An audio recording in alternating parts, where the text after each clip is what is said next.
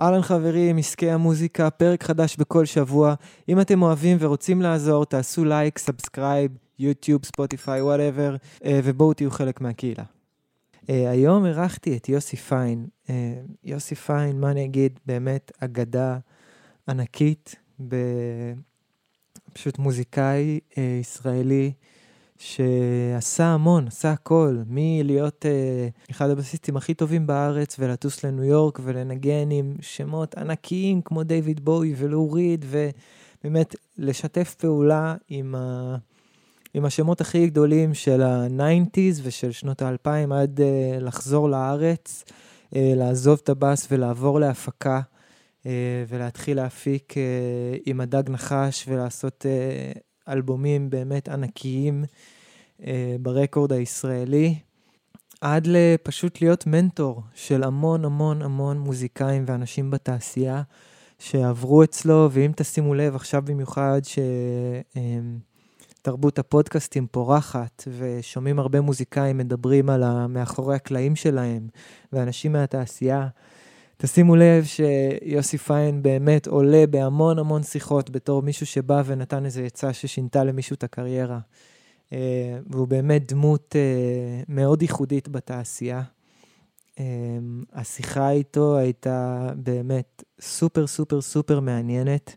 נהניתי מכל רגע. היה פרק ארוך של יותר משעה וחצי לדעתי, ואני מקווה שגם אתם תהנו ממנו, אז יאללה, בואו נתחיל.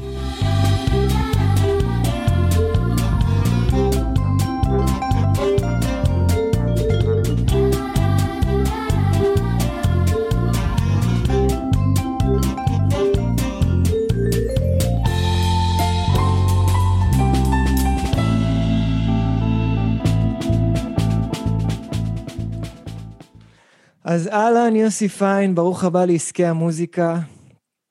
אהלן, אהלן.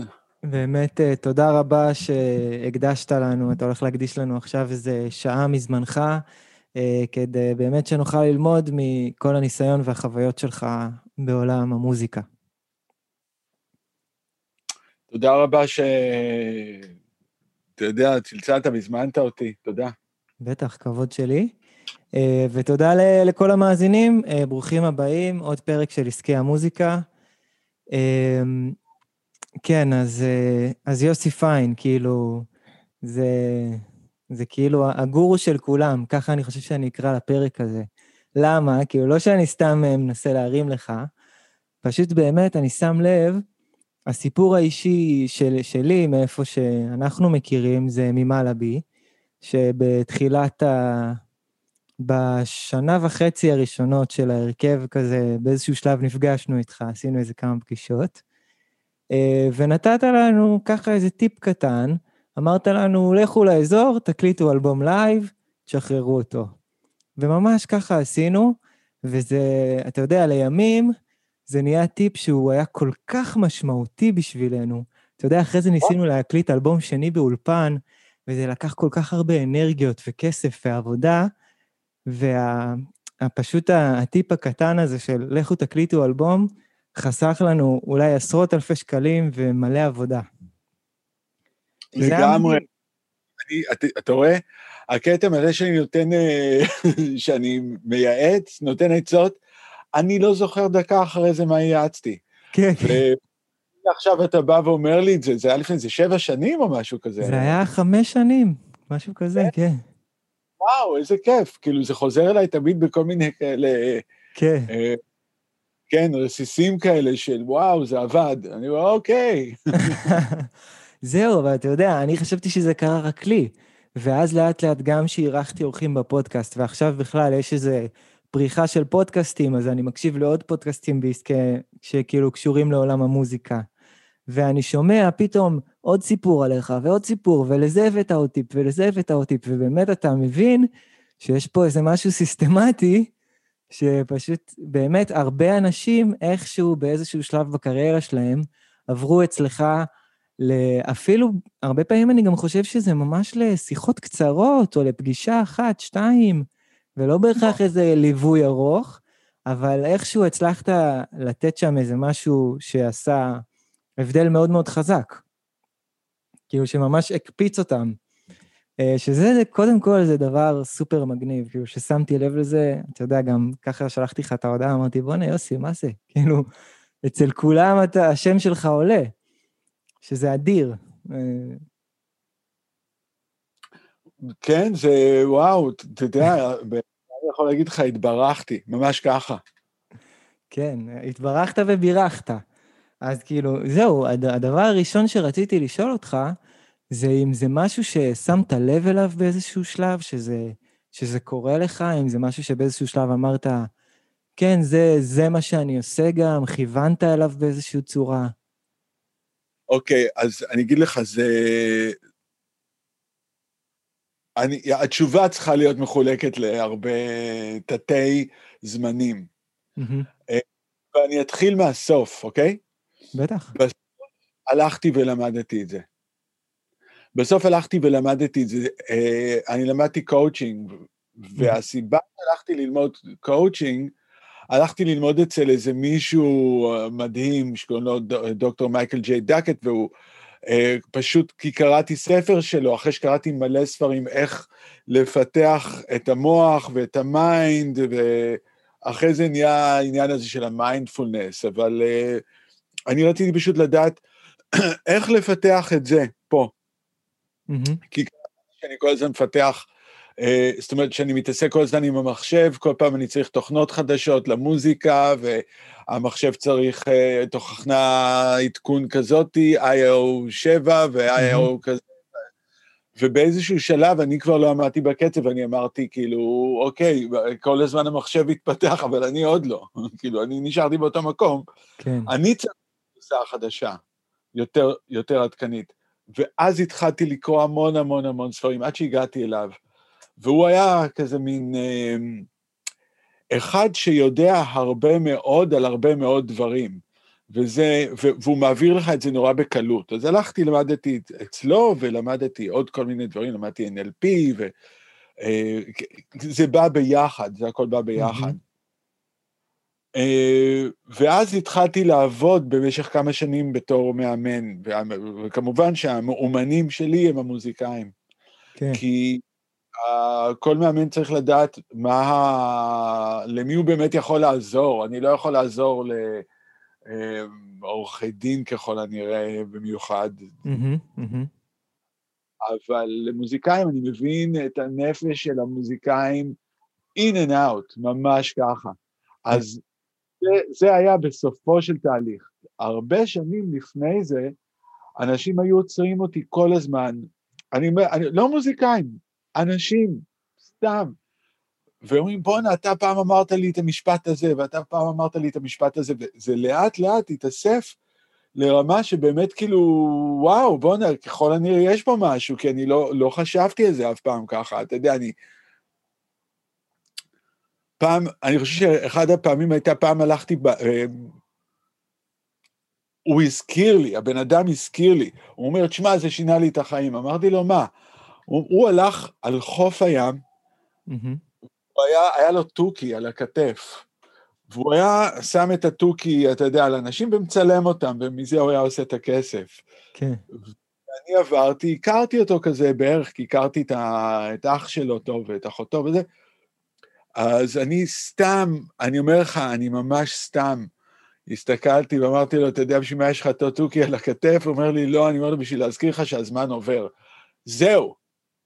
ככל הנראה, מה המשפט הזה, כאילו, אתה יודע, עשה לו איזה משהו, והוא שינה את כל הדרך שהוא הסתכל על עצמו באותו רגע. וואו. אז כשהוא חזר אליי עם המשפט הזה, שנים לאחר מכן, דווקא את זה אני זוכר. אמ, ועוד הרבה כאלה, אתה יודע, אני פשוט אה, לא יודע, אני חושב ש...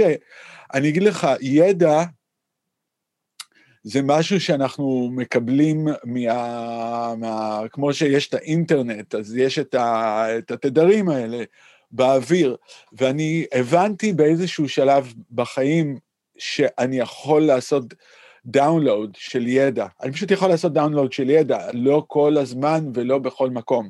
יש מקומות שהתדר שם יותר חזק, ואני זוכר, זה קרה לי בקוסטה ריקה, הייתי בחופשה בקוסטה ריקה והרגשתי, בואנה, טבע וכל זה, אני יכול לעשות פה דאונלוד של אחלה ידע, בוא אני אעשה דאונלוד. והתחלתי לעשות, התחלתי לעשות את זה, וזה באמת עבד, אני פתאום ידעתי המון המון דברים. אה, שאי אפשר להסביר אותם, ואחרי זה חזרתי והתחלתי לספר את זה לאנשים, וברבות הימים המון דברים התבררו, אז אני לא יודע, זה משהו רגע, ש... רגע, רגע, מה, מה זאת אומרת download של ידע? אתה יכול להרחיב על זה? אני, קשה לי להרחיב על זה. כן, אני מבין שזה די אבסטרקטי, אבל מה, למה אתה מתכוון? אתה מתכוון אה, שבאיזשהו שלב, מה, עשית download, אז אמרת לעצמך, אני אלמד פה על הטבע קצת? או ש... לא, לא. כמו במטריקס, כאילו, שהם באמת מורידים איזו תוכנה שפותחת להם ידע. לא. אני חושב שמוזיקאים, מאיפה אנחנו כותבים שירים? Mm-hmm. יש את הפעמים שאנחנו מנסים לכתוב שיר ואנחנו יושבים ואומרים, אוקיי, אני אתחיל עם לה מינור ואני אעבור לרה מינור. Mm-hmm. זה לא. יש את הפעמים שאתה יושב באיזשהו מקום ופתאום השיר מגיע אליך, אם זה מילים או מנגינה, נכון? Mm-hmm. זה פתאום מגיע. כן. אתה עשית דאונלוד של ידע, אתה לא המצאת את השיר, אתה פשוט עשית דאונלוד של ידע. עכשיו, זה קרה לי אה, עם שירים, לא עם המון, אבל עם כמה, זה קרה לי פתאום בחמש דקות, וזה היה חלקים מהדברים הכי טובים שכתבתי. אז קראתי אחר כך, שסטינג אמר שזה השירים הכי טובים מגיעים לו בדיוק מהמקום הזה של קצת אולי מדיטציה או שקט וזה, ופתאום זה מגיע ואתה לא שולט על זה, אלא אתה פשוט מוציא את זה החוצה. כן. אז אתה עושה דאונלוד של ידע. אמ, שמישהו, אנחנו לפעמים אה, אומרים, איך בן אדם מבשל כל כך טוב, איך הוא יודע לבשל כל כך טעים? למה זה יוצא לו כל כך טעים? זה הרבה פעמים דאונלוד של ידע. זה לא, הוא לא ממציא את זה, הוא פשוט, זה קרה לי, אתה יודע מה, בקוסטה ריקה זה קרה לי בבישול. פשוט המטבח הקוסטה-ריקאי הוא אחד מהגרועים בעולם. ממש, כאילו, וואו, אם אתה צריך ללכת לאכול את האוכל שלהם, אז אתה, אתה לא תהיה מבסוט. יש להם טעם אחר. כן. יש להם פשוט טעם אחר באוכל. ומצאתי את עצמי לא מסתדר עם האוכל שם בכלל, ופתאום התגעגעתי נורא לכל מיני דברים. עכשיו, חומרי גלם יש להם מדהימים, יש להם דגים הכי טריים, אבל לוקוסים הכי טריים, והכל. הכי טרי. אז הייתי הולך וקונה את זה, ואז מה אני עושה עם זה? היה לי רק, במלון הזה היה רק קיריים חשמליות אחד כאלה, אז אתה גם צריך לדעת איך אתה הולך לעשות את הדגים, ואיך לעשות את האורז, ואיך לעשות את כל הדברים האלה, ולהסתדר עם זה. ווואלכ, אני אומר, בא לי עכשיו, איך אני אעשה? בחיים לא עשיתי לוקוס, בחיים לא עשיתי זה. רגע, אני הייתי מתחיל להיזכר במסעדה ביפו. בטעם. וברגע שנזכרתי בטעם, פתאום קלטתי, אז היה שם שום, אז היה שם חמאה. לא היה עשוי מדי. וזה לא היה זה, אני אשים את זה עם שום וחמאה, ואני אשים את הדג, ואני אשים... אתה מבין, זה היה דאונלוד של ידע, זו דוגמה שנורא קל לי פתאום אה, להמחיש אותה, מה זה דאונלוד של ידע. כן. אז, אז יכול להיות שבאמת, אה, כאילו, יכול להיות שבאמת הדאונלוד, כאילו, שזה גם יכול להתייחס ל... אני נגיד, יותר קל לי לקחת את זה בראש לאיזשהו מין, אנחנו צוברים כל מיני חוויות והן יושבות שם, לא תמיד אה, פתחנו את החבילה, אבל החבילה לא. יושבת שם, כמו שאתה אומר על המסעדה הזאת. אז היית במסעדה, אירחת, טעמת, לא בהכרח חשבת עכשיו מה נמצא בתוכו. אבל זה יושב לא. שם, ובאיזשהו שלב אתה מגיע לזה ופותח את החבילה. או עם מנגינות ושירים, תמיד חשבתי שזה איזושהי החלאה בין כמה דברים שחרשתי עליהם בחיים. אז כנראה שכאילו, אתה יודע, אה, שמעתי הרבה רדות ומגיע לי עכשיו איזה ליין פאנק, אז זה כנראה מגיע משם עם חיבור של עוד איזה משהו שהוא יותר אקטואלי אולי, אבל איזושהי הלחמה שקורית לי בראש מתוך הזיכרונות שלי, או מתוך החוויות שצברתי. זה מאוד נכון, וזה מפתיע מאוד מאיפה הדברים מגיעים, כי לפעמים אמ, אני חושב שכתבתי איזה קטע והוא מגניב, והמלודיה מגניבה, ואז יום אחד אני יכול לנסוע בשבת בבוקר, או אתה יודע, הרדיו פתוח בשבת בבוקר, יש כל מיני שירים עבריים ישנים כאלה, וזה, ופתאום אני... וואו, בוא'נה, זה נורא דומה לזה. כן. משהו שדומה לזה, מה פתאום? כן, זה הכל קיים בפנים, זה הכל קיים בקופסה. אבל כשאני אומר דאונלוד של ידע, אני מדבר על אנשים, אה, תראה, יש את הארכיטקטים הגדולים של העולם, אוקיי? אה, מלחינים, באך, מוצרט, זה, מאיפה הם פתאום הגיעו עם כל הדברים האלה? אה, הרופאים, מדענים, איינשטיין, הוא עשה דאונלוד של ידע, הוא גם מדבר על זה באמת, הוא מדבר על זה. שהוא פשוט, אתה צריך לדמיין שאתה יודע, שאתה כבר יודע את זה. וברגע שאתה מדמיין שאתה כבר יודע, אז הידע מגיע. אז uh, אני חושב שזה משהו כזה, אני לא יכול להסביר את זה ממש בצורה... Uh, אני יודע דבר אחד, יש לי, השמיעה אצלי, אני מנגן משמיעה, לא למדתי אף פעם לנגן. אז אני מכיר, המוזיקה אצלי משמיעה, השריר של השמיעה הוא כל כך מפותח אצלי, שאני זוכר כל כך הרבה דברים במשך כל החיים שלי. אני, אני יכול לזכור שיר ששמעתי בגיל, אני אומר לך, כאילו, המורה שרה את זה בבית ספר, אני יכול לשחזר את זה בדיוק עכשיו, אני, אתה יודע, כאילו, כל השנים אחרי זה, או, כן. או איזה פעם אחת שמעתי לי משהו ברדיו והיה חשוב לי הביצוע הזה, אני אזכור את זה. חזרות שעשיתי לפני 30 שנה, לאיזה מופע אחד, אני יכול לזכור את רוב החומר היום. אז זאת אומרת שהידע והזיכרון הוא נורא חזק, ולאנשים מסוימים זה בקריאה, לאנשים מסוימים זה ראייתי, אצלי זה שמיעתי. אה, אז אני זוכר מה האימהות אמרו על ככה, שיחות של אימהות, אתה יודע, בשכונה, בין האימהות, ושיחות על כל מיני דברים כאלה, ואצלי בבית, אם היו מדברים פתאום על איזה נושא, איכשהו, אנחנו הרי מקליטים את הכל, אנחנו מקליטים את הכל. יש לנו פה מכונת הקלטה מאוד מאוד uh, גדולה. ואחד הסיבות שאני חושב היום uh, מפגיזים אותנו, בכל כך הרבה יד, בכל כך הרבה אינפורמציה, היא בשביל לעייף לנו את המקום הזה. ממש לעייף לנו את המקום הזה, בשביל שלא נחשוב, שלא נוכל לעשות יותר מדי דברים, כי ברגע שאתה מפוצץ בכל כך הרבה אינפורמציה, נורא קשה לך בכלל להתחיל לעשות משהו. לפעמים הפחות אינפורמציה בשלב מסוים היא מאוד חשובה בשביל שאתה תתחיל... אני אגיד, שלהיות בשקט, אנשים אומרים מדיטציה, לי אין טלוויזיה בבית, המון המון שנים. זה היה אז חלק מהדאונלוד שאמרתי לך בקוסטה ריקה, אני אמרתי, טלוויזיה? לא צריך את זה. זה נורא ואיום. כן. אני לא רוצה את זה יותר, טאק, כאילו, ומאז אין לי טלוויזיה, זה היה מאז 2006. אה, ומאז נהיה לי פשוט יותר זמן, למה? לכלום. אבל הרבה פעמים הכלום הזה, בין זה שאין טלוויזיה וזה לא מרצד לי, וזה לא מכריח אותי כרגע לחשוב או להגיב על משהו, להיות שמח בגלל שהראו לי משהו, או להיות עצוב. להיות שמח מהטלוויזיה אתה כמעט אף פעם לא תהיה, אבל להיות עצוב בטוח שכן. כן. אה, אז להיות עצוב, להיות בלחץ, להיות זה, פתאום אין לי את המקום הזה.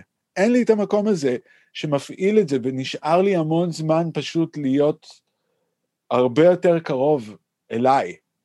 לבאמת מה שאני מרגיש. אז אני רואה משהו, ואנשים אומרים, בואנה, זה נורא ואיום, ואני כאילו אומר, וואלה, זה לא כזה נורא ואיום. אני לא רואה את זה ככה.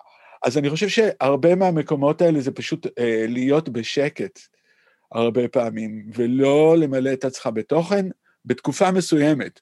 זה כמו לאכול, לאכול, לאכול, לאכול, ואז באיזשהו שלב לא לאכול, ולעכל, ולעכל, ולעכל, עד שתהיה רעב, אבל עד הפעם הבאה, התהליך הזה של העיכול הוא מאוד מאוד חשוב, והוא מאוד חשוב מבחינה של ידע, שאנחנו לומדים משהו, אנחנו שומעים משהו, נחשפנו למשהו, באיזה שלב צריך לעשות לזה איזשהו קאט רגע ופשוט, אפילו אם אנחנו לומדים את זה שנתיים רצוף, באיזשהו שלב לעשות קאט, לשכוח מכל זה, לעשות משהו אחר לגמרי. ואז פתאום זה, זה מתחיל לצוף והידע הזה מתחיל לעלות. Mm-hmm. אני לא יודע אם אני עונה לך על השאלה. לא, לא, עכשיו לא... זה, אנחנו בעצם עוברים כאילו ב, במעבר uh, טבעי וחלק ל, ל, לנושא הבא שרציתי לדבר איתך, שזה בעצם איך באמת ה, כל המיינדפולנס הזה, ובאמת, אני לא ידעתי שאתה ממש עושה, ממש מאמן ועושה את זה כמקצוע, אבל uh, איך זה בא לידי ביטוי אה, באימון עם אמנים או בהפקה של אמנים? בהפקה, אני יכול להגיד לך, גם באימון, גם בהפקה. ויותר נוח לי בהפקה, כי בהפקה אתה, יש לך אה, נקודת התחלה ונקודת סוף. Mm-hmm. שאני אני המפיק, אז אני רואה אותה. Mm-hmm. ואני חושב שזה יגיע מנקודת התחלה. אתה זוכר מה היה המשפט הראשון שאמרתי לך היום? כאילו ששאלת אותי, בוא נתחיל מהסוף. נכון. אני עוד שואל מה, נניח אה, הדג נחש, זה תמיד דוגמה מעולה בשבילי. אה, כי הם היו איתי לאורך התהליך הזה, והם קיבלו אותי גם בשלב מסוים, שיצאתי מהלימודים האלה, אתה יודע, דלוק, כאילו עכשיו אני חייב להשתתף בכל הדברים האלה, באותו רגע. כן. מה אתה, מה אתם רוצים בסוף התהליך? אתם רוצים לעשות אלבום? מה אתם רוצים בסוף האלבום? איזה מין אלבום זה היה, לא איזה זה יהיה. אז אנחנו מתחילים לדבר בלשון עבר על האלבום. Mm-hmm. איזה, איזה אלבום, אז בהתחלה זה כאילו בלשון, אני רוצה שזה יהיה אלבום שנורא יאהבו אותו, ושהוא יהיה אלבום אה, נורא מצליח, ושהוא יעביר אותנו קרוס אובר ליותר קהל, ושידעו שאנחנו אחת הלהקות הכי טובות, ושאנחנו גם מנגנים מעולה. ואז זה דוגמה, ש... אז אני רושם את זה, אני רושם את כל התשובות. לפעמים יכול להיות תשובות כאילו שנראות לא קשורות. Mm-hmm. רושם את הכל. ואז אני שואל שאלה אחת לפני זה, בואו בוא נבין איך הגענו למקום הזה. והם חייבים לדבר על הכל מלשון עתיד, שמסתכלים על האלבום הזה בעבר, אוקיי? הם okay. אוקיי. מספרים לי, מראיין אותם, אני קופץ איתם כמה שנים קדימה, ואני מראיין אותם איך זה היה לעבוד על האלבום, mm-hmm. מה היה התהליך של העבודה על האלבום, mm-hmm. איך, מה היה ה vibe, איך okay. כן. הקהל קיבל את זה, מה הקהל הרגיש, ואני רושם את הכל. ופתאום נהיית לי תמונה, ולכולנו נהיית תמונה הרבה יותר ברורה של מה צריך לעשות. אחר כך אני יודע גם את הצעדים שצריך לעשות. עכשיו, העניין הוא שאני גם יודע להגיד, היי, אתם רציתם שיר שילך לכם, נניח ב, ברדיו, אבל השיר הזה מתוחכם מדי, לא מתוחכם, אבל הוא מורכב מדי בשביל זה. Mm-hmm. חמש דקות, הוא יותר מדי פארטים, הוא לא, הוא לא כזה, אם אתם, אם, אם זה מה שאתם אמרתם שאתם רוצים, וזה מה שאתם עושים, אתם לא עושים, אתם לא הולכים לכיוון הנכון, אוקיי? ואני אתן לך עכשיו את ההפוך, אם זה הרכב ג'אז שרוצה עכשיו, אה, או הרכב prog, אומר, אנחנו הרכב prog ג'אז, אוקיי? רוצים את זה super duper מתוחכם, ו... וזה וזה, ואז פתאום אתה קולט שכאילו, וואלק, זה לא כזה מדהים, אז אתה צריך להגיד, וואלק, אתם אמרתם שזה מה שאתם רוצים, לכו תעבדו על זה, כאילו, אתם לא יכולים להגיד את זה ואז לא... Mm-hmm. כי אתם לא תצליחו. אתם צריכים לעמוד ביעדים שאתם רציתם. Mm-hmm. ואני גם מוודא שהיעדים שהאנשים רוצים, הם איכשהו יכולים להיות הכי ורודים, הכי ורודים בעולם בחלומות שלהם, אבל שזה איכשהו בכל זאת קשור איכשהו למציאות של... אה, או איך, איך להביא את החלום הזה להיות קשור למציאות שלהם. כן. כי אין דבר אפשרי, אבל צריך להביא את זה. אם מישהו אומר שהוא רוצה לעשות תקליט, אה, אלבום עם שירים מדהימים, ושכל האלבום הזה הוא אלבום מופת, אבל הוא עצמו לא כותב שירים מדהימים, אז זה, זה לא מציאותי, אבל אם אני אומר לו, אוקיי, אז איך הגעת לשירים המדהימים? והוא אומר, וואלכ, פניתי לעוד אנשים שיכתבו. אז אני יודע שהוא בכיוון הנכון. Mm-hmm. כי למשל, אה, האומנים הכי מצליחים בעולם, בוא נגיד, אתה יודע, זמרים, זמרות שמכרו הכי הרבה, אה, וויטני יוסטון, מריה קרי, אה, לא עולה לי, אבל אלה פחות או יותר הז'אנר הזה, הם לא כתבו את השירים שלהם. הם לא כתבו את השירים שלהם, הם רק ביצעו את השירים, הם לא הפיקו והם לא כתבו. אמ, והיום אני חושב יש הרבה יותר את הקטע הזה שאנשים אה, כותבים את השירים של עצמם, mm-hmm. וזה לא נכון לכל אחד, זה לא נכון לכל אחד, ואנשים לא מספיק משתמשים בכותבים. פעם בארץ היה נניח את אהוד מנור, אז כשבן אדם היה רוצה שיר על בטוח טוב, הוא היה פונה לאהוד מנור. Mm-hmm. היום אין את אהוד מנור, יש כמה אחרים, אבל לא תמיד פונים אליהם, בן אדם רוצה לעשות הכל לבד, וגם רוצה נורא להצליח, ולא תמיד זה עובד ביחד. כן. כן.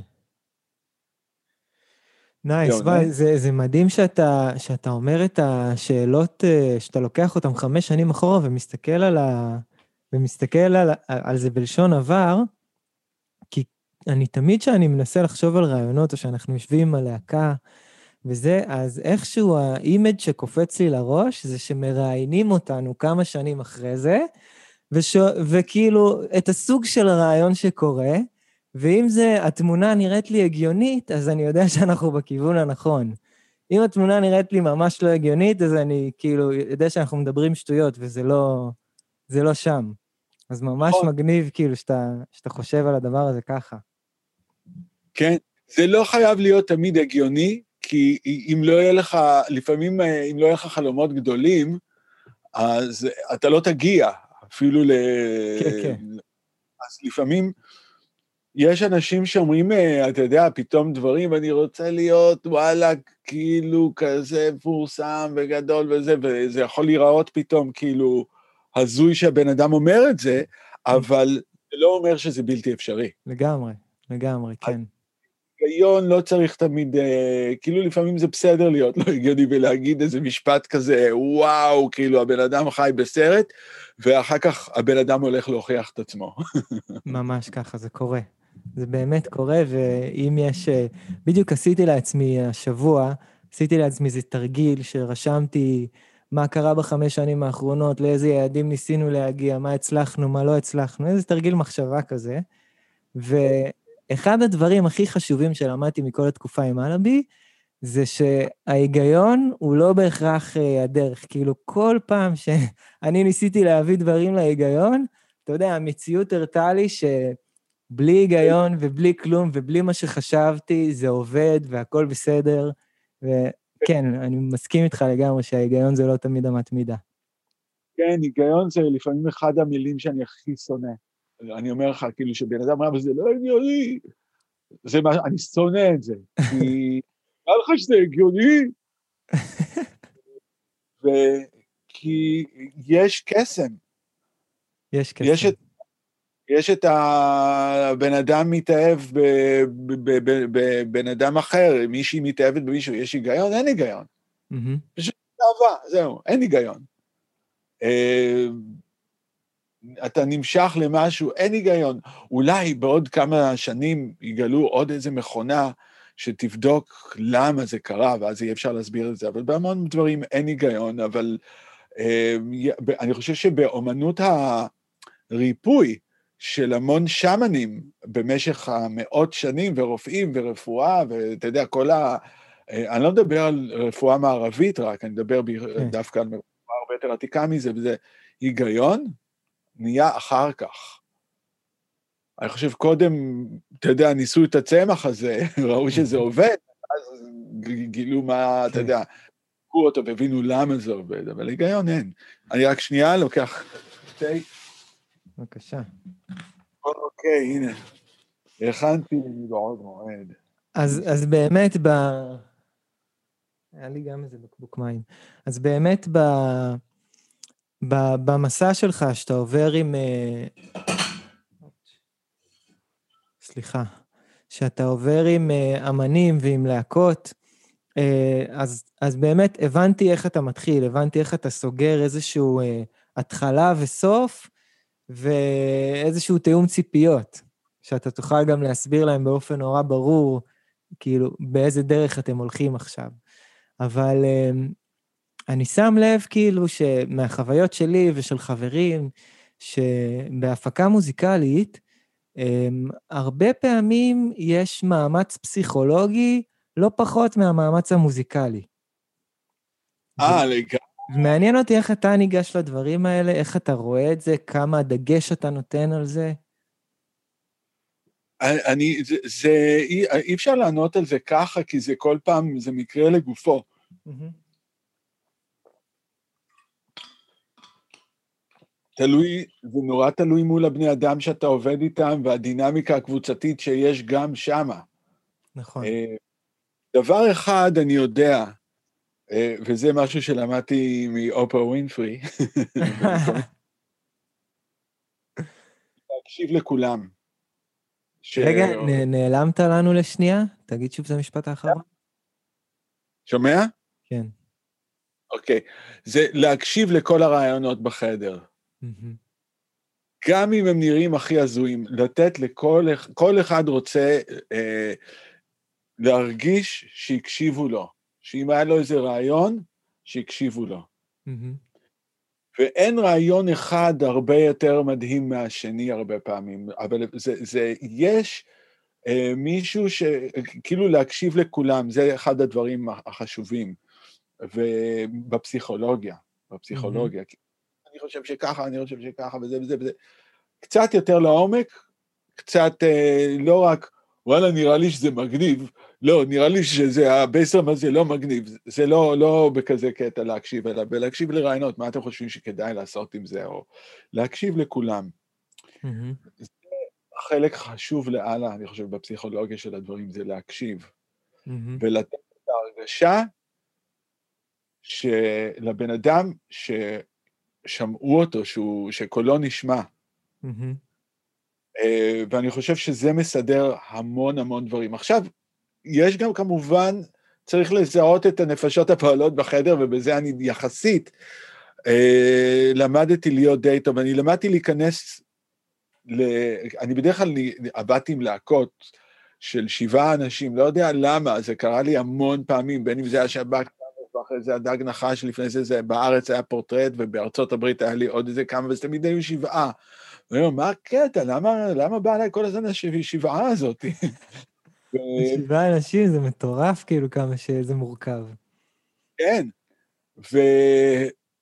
והעניין הוא תמיד זהה את הפרימדונה, זהה את העושה בעיות, ותמיד יש אחד שהוא פרימדונה ואחד שעושה בעיות, לפעמים זה גם באותו אחד. Mm-hmm. ומי צריך אה, המון תשומת לב והוא לא מראה את זה. אני יודע לזהות די, די מהר, אה, מתוך המון ניסיון, את, ה, את ההוא שהולך כל פעם, על כל דבר יהיה לו מה להגיד, אה, וההוא שהולך להתלונן, כאילו אחרי שכבר הכל נעשה, ואז הוא פתאום יתחיל להתלונן, יש תמיד איזה... ו, וכאילו לדעת איך, להת... איך להסתדר איתם, כי הם, אה, הם יכולים אחר כך להוציא את האוויר מהגלגלים. Mm-hmm. אז צריך לדעת להסתדר איתם, אז זה, זה חשוב. הקטע הוא שככל שהזמן עובר, אני לא רואה שיהיו הרבה להקות גדולות יותר. נכון, לגמרי. בגלל זה רציתי. רציתי קצת להסיט אותך ולשאול אם, אם יצא לך לעבוד עם אמנים בודדים, כי היום זה, אתה יודע, להקות זה כבר דבר שבאמת אין הרבה.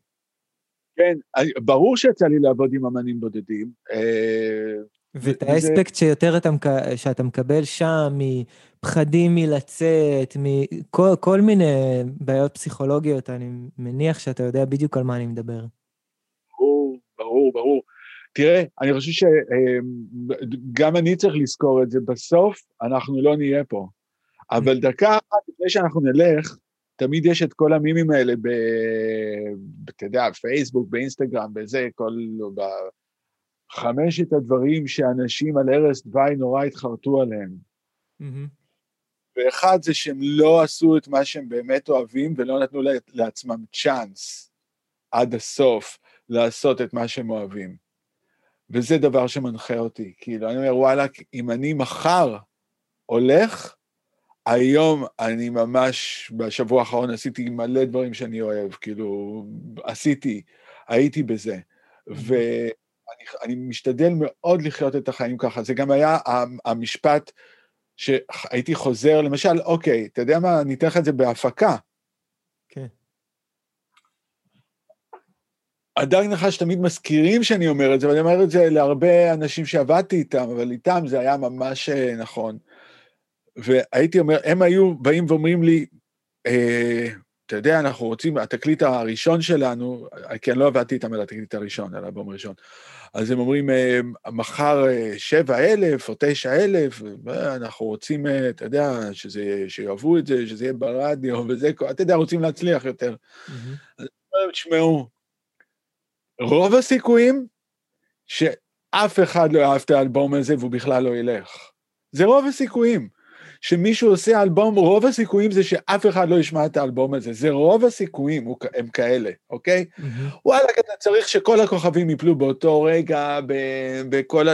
בשידורים ובפלייליסטים ובמקום שלך בתוך הדבר הזה ובטיימינג ובלמצוא את היחצנים הנכונים ואת הזה הנכון, בשביל שהכל יקרה במכה אחת. זה המון המון דברים קורים בזה. Mm-hmm. אז הם אמרו, רוב הסיכויים אף אחד לא יאהב, כאילו לא ישמע את זה.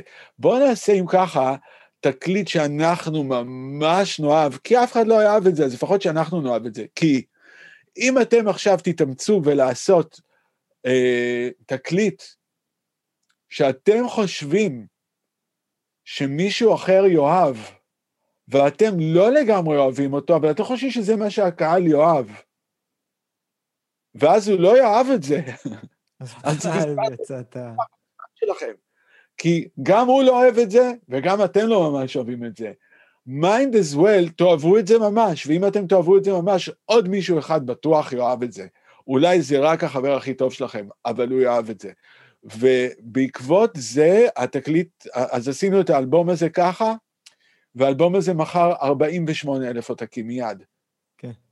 קפצו מ-7 ל-48, כי העניין היה לא שמישהו אחר יאהב את זה, אלא שאנחנו באמת, באמת, באמת נאהב את זה. גם אני בתור המפיק, גם הם בתור הלהקה, גם הם בתור הנגנים, בתור כל הדבר הזה, שיהיה, שזה יהיה כיף, ושאנחנו לא, לא עובדים סתם, אנחנו עובדים משהו שאנחנו רוצים להיות בו אחר כך גאים. ואתה מדבר, אתה מדבר ממקום אה, של פרפקציוניזם, או ממקום של פשוט לא לרצות? לא, לא לחשוב מה ילך ברדיו, מה ילך לקהל, מה עכשיו, כן. איזה טרנדים עובדים עכשיו. או ממקום לא. פרפקציוניסטי של, לא, הזה, הקיק עדיין לא שם, המיקס עדיין לא שם, העיבוד עדיין לא שם. זה, זה לגמרי, זה, זה הרבה יותר זה. זה הרבה זה יותר... הרבה, כן, כאילו, את השירים בחרנו, ואני הייתי יושב 12 שעות במיקס, שזה בעצם עריכות, לא רק סאונד, אלא פשוט לערוך איזה פארט מהשיר ילך עם איזה פארט, ואם זה הטק שירה יותר טוב או לא, ואם זה הפזמון האולטימטיבי ואם זה לא, ואיך להפוך את זה, ואם הכניסה תהיה מכאן או לא, וכל הדברים האלה, אני אחר כך הייתי חופר בזה, אבל מה שהנחה אותי זה קודם כל, שזה ידליק אותי, אבל זה באמת ידליק אותי. כל פעם שאני, שאני אנגן את זה, אני אהיה כזה, וואו, בואנה, תשמע את זה, שאני לוחץ פליי, כאילו, אני כאילו הולך לאחורה ואני יודע שאני מרגיש טוב עם זה. Mm-hmm. לא מרגיש, זה לא קורה כל כך הרבה. כן. רוב הפעמים שאני לוחץ פליי, זה בתהליך אני כזה קצת נבוך. Mm-hmm. אני לוחץ פליי, ואם אומרים לי, בואנה, זה מעולה, אני כזה, מה, באמת? כן. ואם אומרים לי, וואו, זה בסדר, אני אומר, הם לא אהבו את זה, הם לא אהבו את זה, זה לא מספיק טוב, זה לא מספיק טוב. אה, אז יש איזשהו רגע שאני חושב שזה טוב, אה, ואני יכול לשנות את דעתי אחר כך עוד מלא פעמים, אבל יש איזה פעם אחת ש...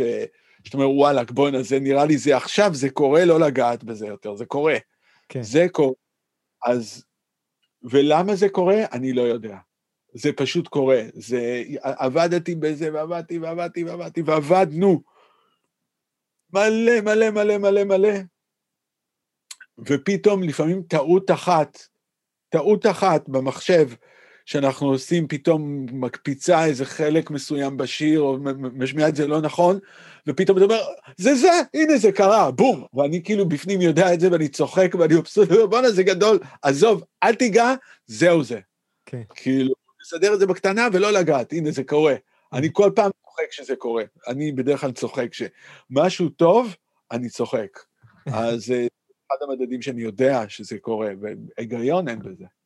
כן. אני לא, אף פעם לא... זה בגלל שהפזמון נכנס אחרי הבית, לא. זה בגלל שזה הצחיק אותי, איך שזה נכנס. גדול. זה מה ש... גדול. אז, ב, אז באמת, כאילו, אני רוצה לחפור איתך עוד טיפה ברעיון הזה. ואז איך אתה גם נמנע, אז סבבה, אנחנו אומרים, אנחנו רוצים לאהוב את זה באמת, להגיע עם כל השירים למקום הזה שהם מרגישים לנו כל כך כל כך טוב. אבל איך אתה גורם לזה ש, שזה לא יגרום לאלבום להידחות עוד פעם, ולקבוע עוד הקלטות, כי לא הקלטנו את זה מספיק טוב. ועוד מיקס, כי המיקסים האלה לא טובים, אז בואו ננסה עכשיו מיקסר אחר. ואתה יודע, זה גם, זה גם קורה, ש, שלא משחררים, כי הפרפקציוניזם הזה פשוט לא, זה עדיין לא שם, זה עדיין לא שם, בואו נגן את זה בהרכב אחר. תראה, זה היה, אה, זה קרה לי קצת בעבר, אבל אני למדתי שזה לא יקרה לי יותר אחר כך. כי לא יכולתי לאפשר, כאילו, היו תקציבים. Mm-hmm. היום באים מאיתנו, המוזיקאים, אבל פעם התקציבים היו מגיעים מהחברה, חברת התקליטים. אבל התקציב היה נגמר, היה תקציב, נניח 50 אה, אלף שקל, ואתה פשוט יודע שבסוף השבועיים האלה, התקליט גמור. כן. התקליט פשוט ולא מעניין עכשיו, כאילו, אין עוד מיקסים. עכשיו, אני גם הייתי הרבה פעמים אה, טס יום למחרת המיקסים, אז, אז זה היה יתרון עצום, mm. כי אילץ אותי אה, להיות נורא מפוקס. אין עוד מיקסים, אני שונא לעשות עוד מיקסים אחר כך. אז, אז כאילו, אז הייתי סופר דופר מפוקס, ומגיע למצב שקורה נניח ללהקה ביום האחרון, שאני גמרתי את רוב המיקסים, 90 אחוז אני קורא לזה, אני מביא את המיקסים ל-90 אחוז. Mm-hmm. אז ביום אחד אני אומר להם, היום אנחנו גומרים את כל המיקסים. אני משמיע לכם את השיר, יש לכם, ויש לנו שעה לת... לעשות את התיקונים. מעבר לשעה, נגמר. אם אתם לא פתרתם את זה בתוך שעה, אז זה ככה זה, אוקיי? Mm-hmm. וכולם היו נכנסים לריכוז הזה, וזה היה מגיע בדיוק לחמש דקות לפני תום השעה, בום! כאילו, זהו, יאללה, תעביר. כן. שיר הבא, שיר הבא, שיר הבא. אז הפוקוס הזה, ועוד דבר אחד, זה שכל פעם שעבדתי, אה, למדתי מלעבוד באמת עם הטובים ביותר במקצועם, יעני. אה, עבדתי עם טכנאים מאסטרינג. אה, מי שלא יודע מה זה מאסטרינג, זה השלב הכי אחרון, מתי שאנשים עושים אלבום, שירים, רוצים לשחרר לרדיו, אז מקליטים את השיר, ואחר כך יש מישהו שעושה מיקס לשיר, סבבה. אבל את ה finish, finish, finish touch עושה הטכנאי מאסטרינג. והוא יכול לעשות באמת את ההבדל, ה... שזה יישמע לך כמו בתו תקן, יעני, שככה זה נשמע מעולה ברדיו, אוקיי? Mm-hmm. זה האחריות שלו. כן. ובארץ היו כמה טכנאים מאסטרינג, וכשהייתי הולך אליהם זה היה לוקח יום שלם, וואו, אתה יודע, 13 שעות, 16 שעות, לפעמים יומיים לעשות master ים, אז אומרים, לא, זה לא מספיק טוב, בוא נעשה את זה עוד פעם, בוא נעשה את זה. ואז נסעתי לניו יורק, והבן אדם גמר את המאסטרינג תוך ארבע שעות, כולל זה שאכלנו באמצע.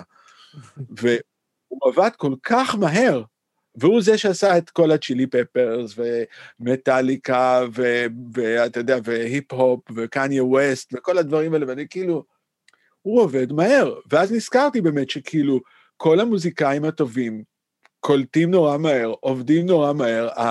אני זוכר את עצמי פעם באיזה אה, אולפן הקלטות בניו יורק, ואני זוכר, אני אמרתי, טוב, אני צריך עוד באז, וזו הייתה טכנאית, אנג'לה, והיא פשוט עשתה ווק, והרימה את ה... פשוט היה פשוט יותר באז. והיה לי כיף לנגן, אמרתי, כל מי שבאמת טוב, הוא נורא מהיר. Mm-hmm. הוא נורא מהיר. עכשיו, מחשב יותר טוב, הוא מחשב יותר מהיר. Mm-hmm. הוא כן. יותר מפוקח, יותר מהיר. אה,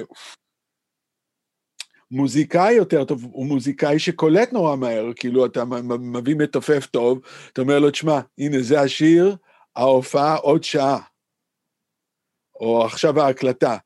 יאללה, הבנתי, טיק טק, בום, הוא מבין את ההיגיון של השיר, הוא מבין את, ה, את הווייב של השיר, לא את ההיגיון, כן. את הווייב, את כל הזה, והוא גם יודע לבצע את זה נורא טוב, אוקיי? כך שמתי שאתה לומד להיות טוב, אתה לומד להיות כאילו, וואלאק, קראטיסט, או מי שעושה מרשל ארץ טוב, הוא, י, הוא, הוא יחכה המון זמן עם המכה, אבל במכה אחת הוא יוריד אותך.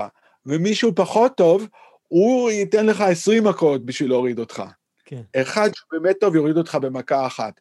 אז אני חושב שבמקום הזה, זה המקום הזה של אה, לימדתי את עצמי, וזה בגלל ענייני תקציב וזמן, לקלוע בוואן.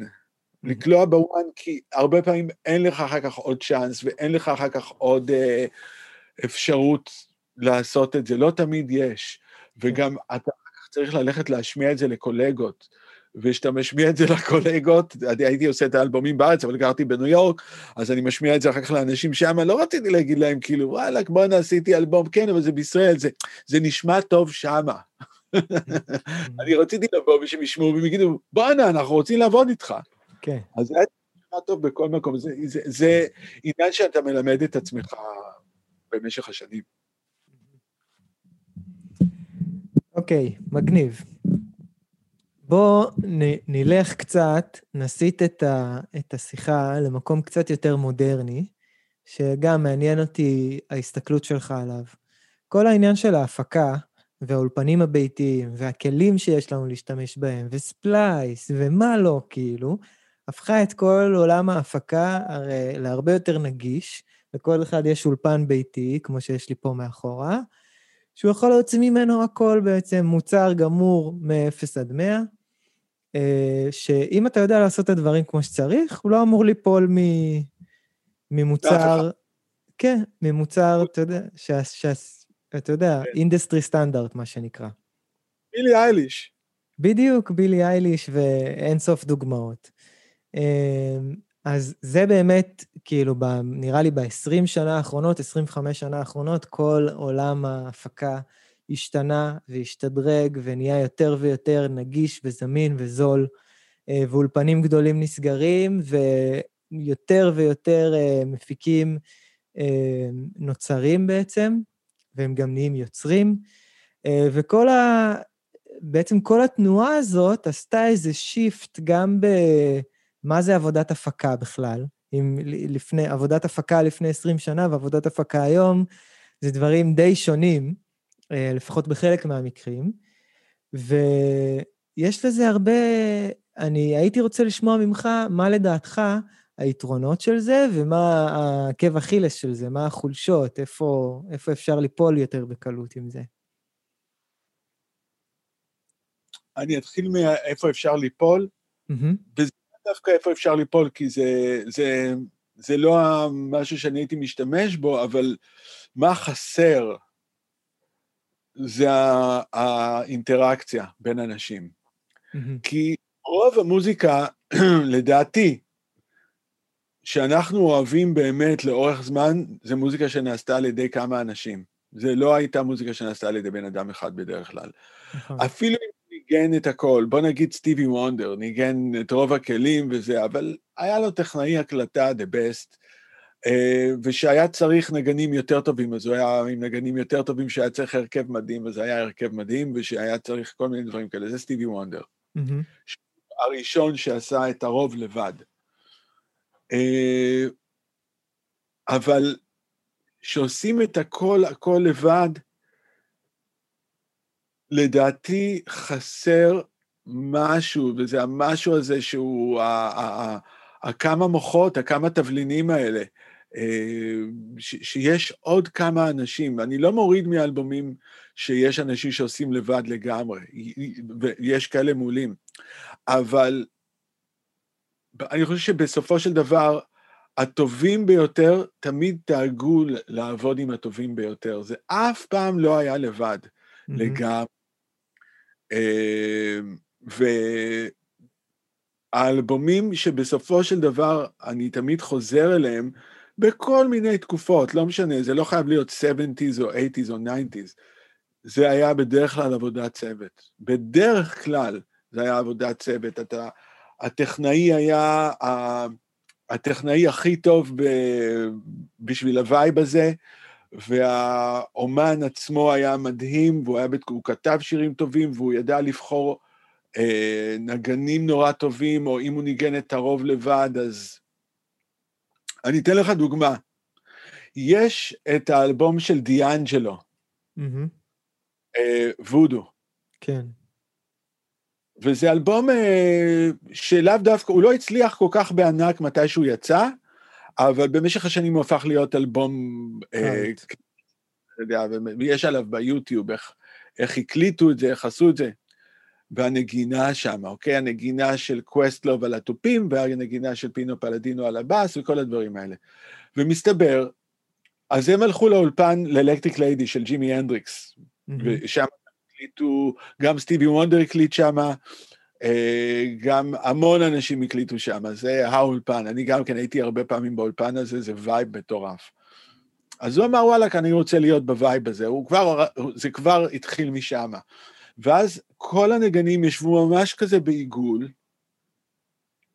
וניגנו, וזה הרבה פעמים רק one take או שתי טייקים, וזהו זה.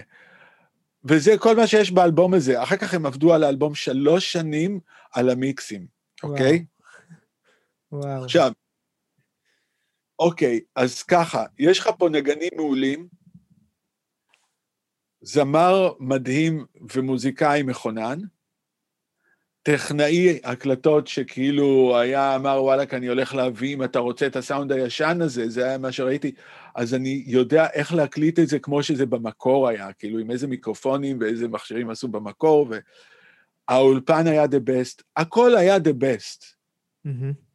ואז אתה מגיע לתוצאה שהיא באמת טובה. עכשיו, היום קשה ללכת הרבה פעמים, ללכת לאולפן שהוא the best, עם טכנאי שהוא the best. אני לא אומר שזה, אבל בכל זאת, מה שאני קולט היום אצל המון המון המון אומנים צעירים, כי אני, אנשים באים אליי, אה, לפעמים בשביל שאני אעשה להם מיקסים, שזה אני מאוד אוהב לעשות, או לנגן בס, שזה אני הכי אוהב לעשות, mm-hmm. אה, אני מוכן לנגן בס על כל, על ההקלטה של כל אחד, באמת, אני פשוט נהנה לעשות את זה.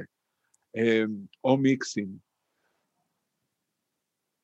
והרבה פעמים אני קולט שהנוחות הזאת של להיות בבית, ולעשות את הכל לבד, ולנגן את הגיטרות לבד, ואת הקיבורד לבד, ואת התופים לתכנת מאיזה אה, תוכנה כזאת, וזה וזה וזה, בסוף זה יכול היה להיות יותר טוב. זה יכול היה להיות יותר טוב אם, אם, אם אנשים אמיתיים יותר היו בזה, משהו היה קורה, זה היה מקבל איזשהו נפח מסוים אחר, ש, שזה חוויה אנושית, ואני חושב שאנחנו שומעים מוזיקה, אנחנו רוצים חוויה אנושית. לגמרי. 아, אז עכשיו, אני חוזר רגע לדיאנג'לו. יש את דיאנג'לו, ויש כיום את, אה, את אה, ג'ייקוב קולייר. Mm-hmm. ג'ייקוב קולייר הוא גאון, אבל כשאני מקשיב לאלבום שלו, אני לא רוצה לחזור להקשיב לאלבום שלו יותר מדי. למה? כי הוא עשה את הכל לבד. כל כך שהוא מנגן את הבאס מדהים, והוא מנגן את התופים מדהים, והוא מנגן את הכל מדהים, אבל זה בן אדם אחד וחסר שם מתח.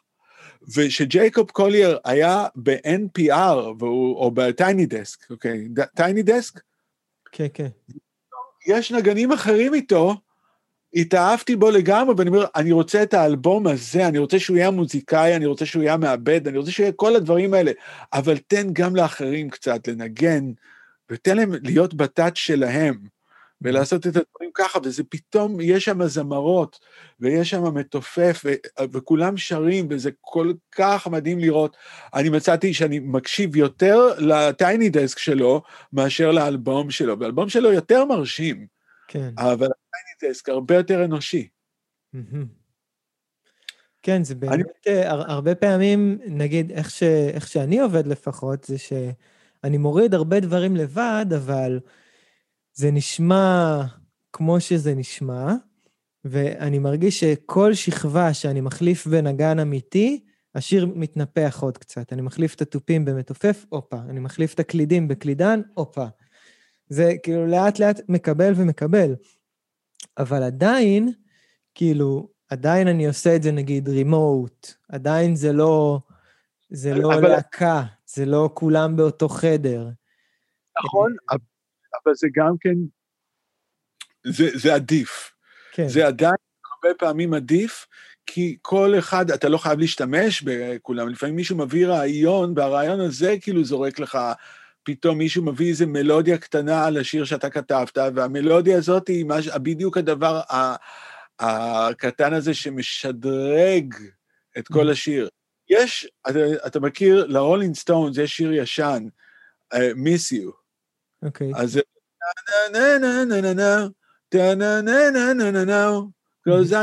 Mm-hmm.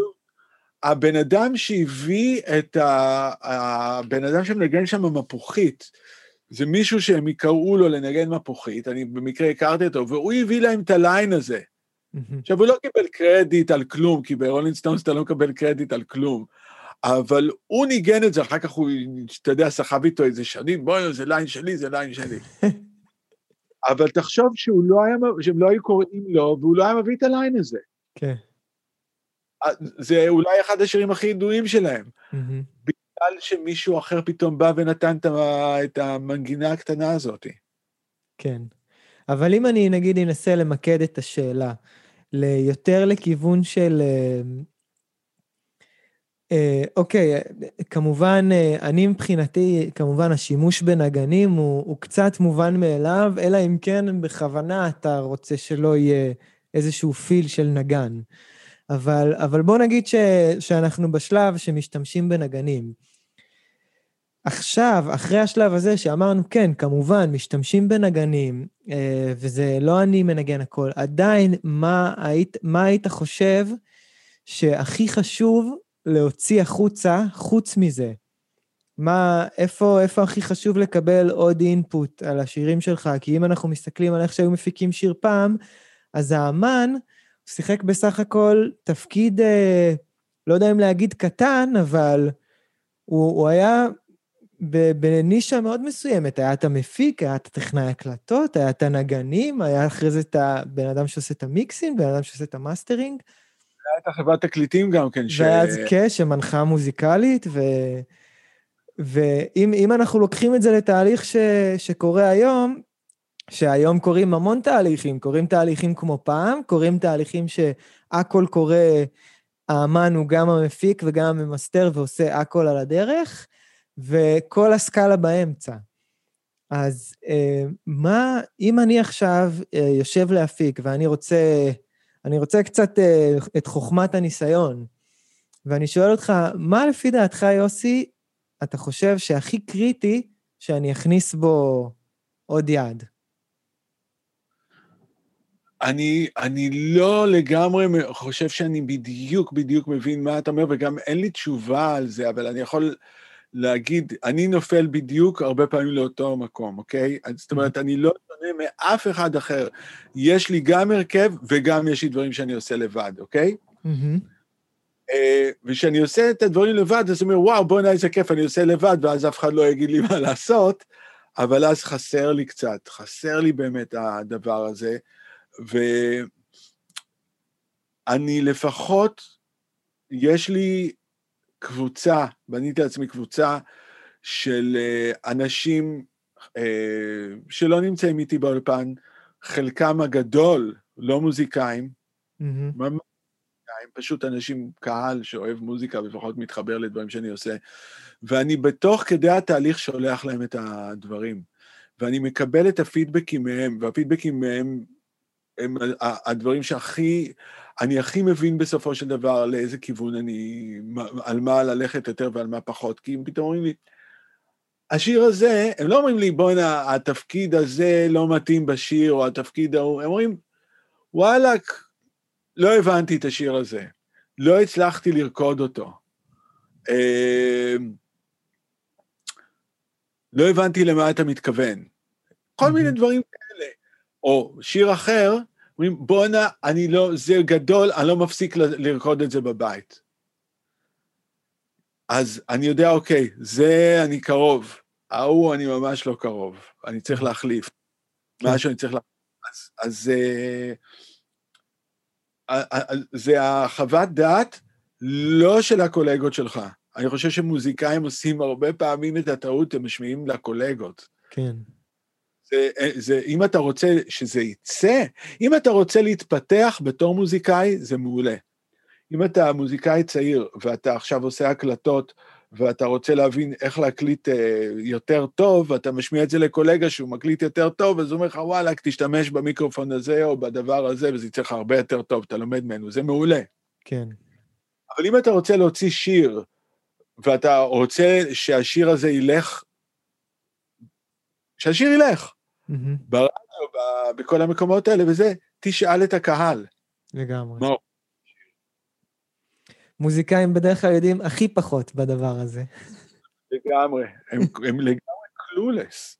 ממש. הייתי שנים, הייתי, לא הייתי מבין למה כולם אוהבים את זה, ולא אוהבים דווקא את זה, שבזה יש כזה בייס, איזה סאונד באס יש בזה, איך אתם לא אוהבים את זה? זה, זה מגוחך. זה מצחיק, כן. אבל... כן, לגמרי. אנחנו בתור מוזיקאים, מה אנחנו חושבים? איזה... איך, איך, ה, איך הם מנגנים, כמה הם טייט, כמה העיבוד המוזיקלי הוא עשיר ומעניין, אה, כמה זה שונה, כמה זה מביא לי פה משהו חדש. הקהל אה, פחות, אה, פחות מקשיב הקהל- לדברים האלה. הקהל הוא כמו אה, אנשים, ש... כמו שאנחנו נכנסים למסעדה, טעים או לא טעים? זה מהמם. הכל. כן, כן. טוב, אה, מגניב, וואי, יוסי, כמה, כמה ידע, אנחנו כבר מתקרבים פה לסיום. אה, עשיתי, אני עושה משהו חדש עכשיו, אה, שאלתי כמה חבר'ה, גם בקבוצה של הפודקאסט וגם כמה חברים, אמרתי להם, חבר'ה, יוסי מגיע היום, אם יש לכם משהו לשאול, תשלחו לי הודעות. אז שלחו לי פה כמה הודעות, ככה, אוקיי. אה, שאלות מהקהל. אה, אז ניצן הרושס אה, שואל, איך אתה ניגש לשילוב של בס אקוסטי ובס אלקטרוני, ל layering בעצם, אני חושב שהוא מתכוון. אמ, קודם כל, יש לי בס אקוסטית שאני מאוד נהנה לנגן עליה, אז זה- וזה, אני, אני, אם זה ספציפית בס אקוסטית שיש לה pickup, ואתה רוצה גם וגם, מהמם, גם מיקרופון על המתרים, שישמעו את הנקישות, וגם את, ה, את מה שיוצא מהבס, ואני מצאתי שזה הבדל של יום ולילה, להקליט את המיקרופון. מהמם. התחלתי אפילו על גיטרה, כאילו גיטרה חשמלית ולהקליט עדיין את, ה, את המפרט. כאילו, אה, אבל אוקיי, זה, זה, זה מגניב. אני, חוש... אני יודע שהוא התכוון למשהו אחר, שאני אומר בס אקוסטי, אני לא מתכוון בס אקוסטי, אני מתכוון בס חשמלי וסינט בייס, טעות שלי. אה, לגמרי, אז זה, זה, זה היה הדבר השני. זה פשוט אה, ניסיון וטעייה, כי אני, אני מאוד אוהב את זה, אני, אני השתמשתי בזה המון בתקופות, אה, וזה באמת כאילו העניין של, אה, בדרך כלל, אה, זה תלוי מה אתה רוצה שיהיה יותר דומיננטי, אבל אם אתה רוצה למ- למשל שישמעו את התפקיד בס עם האצבעות, אם עושים slap או מפרט או לא יודע מה, כל מיני כאלה, שישמעו את האופי של הבס, אתה מזה, ואז יושבים עם סינט ומורידים את כל הסאונד חוץ מאשר את הנמוכים, חותכים את הכל, נשארים רק את הנמוכים, ו- ו- וזה כאילו מנגן במדויק את כל מה שהתפקיד ההוא ניגן, מהמם. או אה, רק חלקים מהתפקיד שהבן, שהבן אדם השני ניגן, כי לפעמים להכפיל את הכל זה לא טוב, אבל חלקים מזה מאוד מאוד משנה. אז כאילו, אני, אני בדרך כלל, את הבאס האלקטרוני אנתב לסאבים, מהמם. מאוד נמוכים, ואת הבאס, ה- בין אם זה יהיה אקוסטי או חשמלי או מה שזה לא יהיה, אני יותר אנתב למאה נמוכים ומעלה, אוקיי? את מהמם. האופי. מהמם. לפעמים אה, זה יכול להיות גם הפוך. לפעמים גם הבאס, בוא נגיד, אם יש לפעמים אה, את הסטייל הזה קורה בהיפ-הופ או ברגעי, שהוא קצת יותר אלקטרוני, דאנס הול, שכן מנגנים עם בס, אבל אתה צריך אופי של סינט. מהמם. אז אני מוריד פשוט את הסינט ואני מוריד מהסינט את הנ- את הנמוכים. מישהו צריך, העניין זה החלוקת תפקידים, כן. מי בנמוך ומי בשאר. אז אה, זה, זה זה. והנימוכים זה בעיקר, אני, אני משער שאתה מביא את הנימוכים בעיקר בשביל ה, הכוח, וה, והגבוהים זה בשביל הצבע והאופי, לא? כן, אה, ואצלי זה, הנמוכים זה, זה הכיף, זה כאילו, אני רוצה שזה יזיז אותי נורא, כן. שזה יהיה. אה, ב- בכל ההפקות ש, של הפופ, של ה dance, זה מה שאנחנו שומעים, זה כל הזמן, הרבה פעמים השילוב הזה של גם וגם בבאסים, וזה כן. באמת כאילו זה גם... synth bass צריך לדעת לנגן, זה, זה art form בפני עצמו, באמת לנגן את זה טוב. אין, זה לא שקלידן תמיד יכול לנגן synth bass טוב, ממש לא. כי זה, צריך להבין את שני הדברים, ההשפעות העיקריות שעליי כבסיסט הם קלידנים. אני מכיר את כל הבסיסטים, אני יודע לחקות את רובם, אבל מי שבאמת השפיע עליי זה קלידנים. כי אני חיקיתי אותם, אז אני מאוד רגיל לנגן ביחד עם, עם אה, קלידן, אה, ביחד. והעניין הוא שהוא חושב אחרת הרבה פעמים. הוא חושב עם יד מסוימת, והוא חושב בתבניות מסוימות שנוחות ליד שלו, mm-hmm. מאוד מסוימים של הצלילים. וגם בסיסטים חושבים עם היד הזאתי הרבה פעמים, עם אורחים מסוימים של איך שהם הולכים לעשות את הצלילים. אז צריך להכיר את שני, הרבה פעמים בסיסטים לא יודעים לעשות תפקידים טובים של סינט בייס. Mm-hmm. והרבה סינט, בסיסטי, אה, קלידנים לא יודעים לעשות תפקידים טוב של באס, זה טוב קצת רגע ללכת וללמוד את זה, כאילו, אחד את השני. סטיבי כן. וונדר הוא ה number one בקטע הזה. yes, yes, אז אתה אומר ללכת לסטיבי וונדר, לקבל קצת אה, השראה וללמוד ולחזור כן, להפקה. הרבה תפקידי באס שלו, אז כאילו אתה השתדרגת. nice. Nice. מדהים. אה, אלמוג יצחק שואל, מה לדעתך האלמנטים שהופכים שיר טוב לשיר מעולה? כשאנחנו מקליטים אודיו, אנחנו בעצם שומרים רגע מסוים. כמה לדעתך חשוב לגרום לרגע הזה להיות רגע מיוחד, ואיך אתה גורם לו להיות כזה? וואו, זה, זה קשה לה, איך, תראה, שיר טוב, יש בו איזשהו סיפור שאתה נשאר עם הסיפור הזה, לא, אתה מקשיב לסיפור, אתה מקשיב לסיפור ולמלודיות ולזה, השיר הזה לוקח אותך לאנשהו. אני לא יכול להגיד מה זה שיר טוב, כי אני חושב ששיר אחד הוא מעולה ומישהו אחר לא, לא עושה לו כלום, אבל יש איזה משהו בסיפור שבא לך לשמוע אותו. זה קודם כל השילוב של המילים, לא חייב להיות מילים חכמות, יכול להיות גם מילים נורא מצחיקות או נורא שטותיות, אבל משהו צריך לקחת אותנו בתוך הדבר הזה, כאילו, שורה אחרי שורה, אנחנו צריכים כאילו להגיד, בואנה, הוא אמר את זה, בואנה, כן, זה מגניב, בואנה, וואו, כאילו, לא חשבתי על זה, כן חשבתי על זה, גדול, כאילו, אבל כל הזמן אתה נשאר בפנים. אה, זה דבר אחד.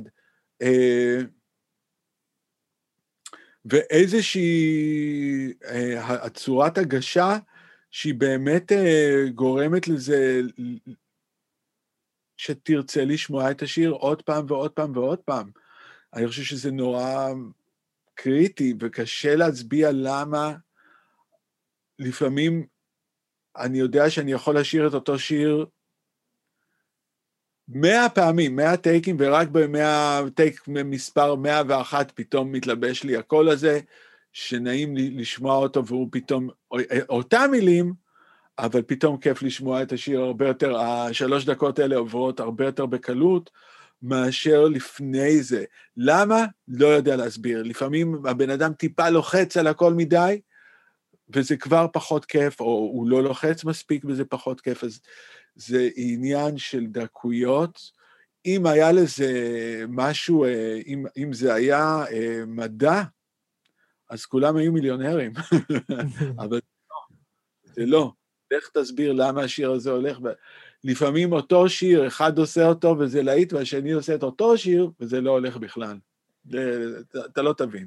ו- אבל אתה, אתה מרגיש שאתה באולפן, אתה עושה משהו, אתה מייצר משהו ברגע ההקלטה, או שאתה מנסה לייצר משהו כדי, כדי להביא את האמן או את הלהקה אה, לתוך המקום הזה? בטח, אתה צריך להחליט איזה vibe השיר הולך להיות, אתה לא יכול לנחש, כאילו, לעשות, לזרוק את השיר באוויר ולהגיד, בוא'נה, vibe... אה, נשמע לי כזה, vibe נחמד, אה, וואלה. לא, אתה צריך להחליט את ה vibe לפני זה. אם... אה, אתה החלטת לעשות שיר שהוא צריך טיפה לרגש אותך, ו... והוא יותר אה, עצוב או יותר רציני, אתה צריך לייצר לו את האווירה הזאת. ואם זה שיר שצריך לשמח את האנשים ולהרקיד אותם עכשיו, אז צריך לייצר את האווירה הזאת. אה, לגמרי, אז צריך שישמעו את זה בתנאים האלה, כאילו, אם אני נכנס למקום ובן אדם עושה מוזיקה שצריכה להרקיד, אבל המקום אצלו באולפן, או האולפן שבחרו לא מרקיד, הצורה שמקשיבים שם למוזיקה זה תמיד בווליום נורא נמוך, ונורא מנומס כזה, ולא, לא, אל תרים את זה, זה נורא חזק, וכל זה וזה. לא, זה לא, זה ככל הנראה לא יעבוד, זה לא יעבוד. זה, כשאתה הולך לאולפן של היפ-הופ בארצות הברית, תמיד יש תמונות כאלה של האולפנים של דוקטור דרה, של פעם, שאתה רואה כאילו, זה מערכת סאונד כמו במועדון, כי הוא עושה מוזיקה שאחר כך נשמעת במועדונים. הולכים ישר לאוטו, לשמוע איך זה נשמע באוטו, אם זה מזיז את האוטו. כן. אה, מטאליקה, או כל הרכב מטאל, הם לא שומעים את זה בווליום נמוך, הם לא מנגנים בווליום מנומס, הם מנגנים כמו שהם מנגנים, כאילו, כי, כי זאת האווירה. אז, אה, ו, ואם אתה עושה מוזיקה מזרחית, אני מאמין שיש דברים שאם הם מוקלטים באווירה הנכונה, החבר'ה הנכונים, האנשים הנכונים, הכל, אז זה נורא משנה את, ה, את הכל, זה, זה משנה, זה לא חובה. יש אנשים שמסוגלים לעשות את הכל בסטריליות מוחלטת, ואתה אתה הולך ואתה אומר, אני לא מאמין שבתנאים האלה הוא הוציא את הדבר הזה. יש את אלה, יש הרבה כאלה. Mm-hmm. אבל אני חושב שעדיין, אם מחליטים מראש מהי האווירה, אז אפשר להגיע לתוצאה. Nice. Nice. אה, אבישי ביטון, האם אתה חושב שאתה ממציא את עצמך מחדש כל פעם, ואם כן, מה התהליך שאתה עושה כדי לפתוח את עדשת היצירה ולהביא זווית אחרת שלך? שאלה מיליון דולר מעולה, וואו. Yes, אבישי. כן? ככה, אבישי ביטון, נכון? כן.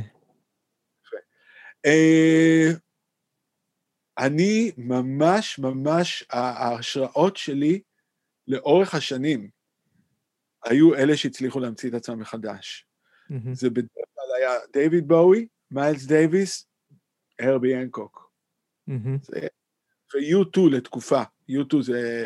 היה תקופה שהם עזבו את הסאונד של U2, ואז הפכו להיות סאונד אחר לגמרי, עשו פופ כזה, עשו כמה אלבומים כאלה, ואחרי הכל הם חזרו להיות U2. אני מאוד עקבתי אחריהם אז שהם עשו את זה, זה, זה פשוט ריתק אותי. אני גם הכרתי אותם אישית. בדיוק לפני זה, אני הייתי מנגן עם לו ריד, ופתחנו ל-U2 את, את ה tour של Joshua Tree, אז הם היו בשיא, זה היה השיא שלהם, הם היו רק באצטדיונים, ואתה אומר, וואלק, בואי נראה, כל מה שהם צריכים לעשות זה עכשיו עוד אלבום אחד כזה. ואז הם הולכים והם עושים אלבום שנקרא Achtung Baby, שהוא בכלל לא דומה לשום דבר שהם עשו עד אז. ואותי זה הימם, אני זוכר שאני הייתי כזה, וואו, איזה אומץ, איזה ביצים. ואני ראיתי את זה על בואי מלא פעמים, ומיילס דייוויס, וכל הביוגרפיה שלו. עכשיו, אז איך, איך אני מיישם את זה לגביי? אמ, אני פשוט עוזב את מה שעשיתי לכמה שנים. בדיוק כשאני מגיע למקום שאני ממש יודע את מה שאני עושה נורא טוב, הייתי נגן, אה, בסיסט, אה, אני עדיין, אבל בניו יורק, עשר שנים התאמן, כאילו, אה, עשר שנים למדתי להיות הבסיסט הכי טוב שאתה יכול להיות, כאילו, לא, לא משנה איפה תשים אותי, I'm there. כאילו הסאונד, ולדעת מה לעשות, וזה, אני שמה. פתאום הגיע המקום הזה, הגעתי לדבר הזה, נגן עם בואי ומישל נדגאוצ'לו וכל הדברים האלה וזה, fuck אמרתי, אני רוצה להפיק. ואני לא אעשה בס כרגע, אני לא חוזר להיות נגן. עזבתי את ניו יורק, חזרתי לארץ, התחלתי להפיק, מכלום. אז למדתי להפיק שנים. עכשיו, גם ניגנתי בס, אבל בייחוד כל יום נכנסתי לאולפן ולמדתי את הדבר הזה, מה אני עושה עם הכל, לא ידע, לא היה לי מושג. עם הכל, מה זה קומפרסור, ואיך לי, מה זה שליחות, לא היה לי מושג. כן. איך מיקסים, איך זה, וואלכ, שלוש שנים, ארבע שנים נתתי בזה. יום, יום, יום, יום, אבל לאט לאט זה נהיה משהו, אוקיי, סבבה, אני הייתי מפיק, אחר כך אה, שנים רבות הייתי מפיק. והתפרסמתי בסטייל מסוים של הפקה, אה, של מוזיקה, בייחוד אה, היפ-הופ, דאב אפריקאי, בוא נגיד את זה, אז כאילו היה לזה בסיס של רגאיי, קוראים לזה Ex-Centric Sound System, אפשר למצוא את זה בספוטיפיי, Ex-Centric Sound System. ויש כמה אלבומים. ו... שמה, זה הפלייליסט של כל מה שהפקת? לא, Ex-Centric Sound System זה הרכב שככה, זה, זה היה שם, זה היה שם, השם האחר שלי, אוקיי? קראו לי כמה שנים Ex-Centric Sound System, וגם היה כתוב, אם הייתי מפיק, אז היה כתוב produced by the eccentric, כאילו, אתה יודע, רציתי להיות cool. Anyway, ואז גם היה לי שקראו לו Ex-Centric Sound System. אז יש uh, מלא אלבומים בספוטיפיי, שזה כתוב EX. Centric Sound System, EX, כאילו מישהו שהיה פעם במרכז. אז על כל מקרה, למדתי נורא להפיק בווייב הזה, כאילו עם הרבה דיליים ובאס מסוים, וזה תמיד קצת דאבי וכל הדברים האלה. ואז נסעתי לאפריקה להפיק את uh, ויו פרקה טורה, הבן של עלי פרקה טורה, לא משנה, הוא גיטריסט ממאלי. ובאתי, והחברת תקליטים ששלחה אותי לעשות את זה מארצות הברית, אמרו, כן, תביא את הסאונד שלך, לש... כאילו, אנחנו רוצים את הסאונד הזה. והייתי שמה, ואז אני זוכר אותי מתחיל להגיד לו באולפן, בוא'נה, נגן את הגיטרה, תעשה הכפלה של התפקיד בדיוק שאתה עשית. עכשיו, הוא ממעלי אומר לי, למה לעשות הכפלה? זה נשמע טוב, ואני אומר לו, כן, אבל אם אנחנו נעשה הכפלה, זה יישמע יותר שמן, זה יהיה כאילו בסטריאו יותר. ואז הוא אמר לי, אבל אני לא רוצה לעשות הכפלה. אני רוצה לעשות את זה כמו שאני רוצה לעשות את זה. ואז הוא אמר לי, אני רוצה להישמע כמו אפריקאי, אני לא רוצה להישמע כמו אמריקאי. אמרתי, וואו, בוא'נה, איזה קונספט מדהים, אני לומד ממנו. אני שוכח כרגע את כל מה שאני יודע, ואני לומד ממנו. ופשוט ישבתי, ופשוט אמרתי, תעשה, כאילו, דאגתי שהכל יעבוד, אבל נתתי לו להריץ הרבה מהעניינים. ואז, כשהיה עניין של המיקסים, הוא אמר לי שהוא רוצה להיות במיקסים, אמרתי לו, יאללה, בוא. והוא טס ממאלי, אז הייתי גר בקליפורניה, ופשוט ישב לי כאן, אוקיי, כאן, את זה תזיז לשם, ואת זה תזיז לשם, ואת זה תזיז לשם. ואני פשוט הלכתי איתו, וזה פתח בפניי, עוד פעם, מקום חדש, ואמרתי, אני לא רוצה להפיק כמו שהפקתי פעם, אני רוצה להפיק אחרת. התוצאה של זה, בסופו של דבר, בארץ הייתה שיר נחמה. וואו. שיר נחמה, יש בו שתי דקות סולו גיטרה ורק שתי דקות שיר. השיר הוא ארבע דקות, שבתוכו יש שתי דקות שיר ושתי דקות סולו גיטרה של יהודה קיסר. זה בדיוק המקום הזה שקרה לי שם באפריקה, שהוא פתאום ניגן סולו גיטרה לאורך כל הקטע, מההתחלה ועד הסוף. הגעתי לארה"ב, החברת הקדימה אומרים לי, תשמע, הוא מנגן סולו מההתחלה עד הסוף, מה זה הדבר הזה? אז אני, תעשה את זה רק לשמונה תיבות. ואז הוא בא ואמר לי, לא, אבל אצלנו באפריקה זה ככה. חזרתי לארץ, אמרתי, אני זוכר שפעם בחפלות, זה מה שזה גם היה, יהודה קסר, בוא נקרא ליהודה קסר, יאללה נגן. וזה נורא הצליח, ד, זה דוגמה אחת. שנים אחרי זה, החלטתי פתאום, אה, הלכתי לג'ם סשן עם, עם אה, בן אילון, הוא פשוט התקשר אליי, mm-hmm. והוא אמר לי, מה יש לי פה אה, אולפן, אני, אני, בא לך לעשות ג'ם, ניגנו קצת פה, קצת שמה, לא, לא בשום צורה רצינית.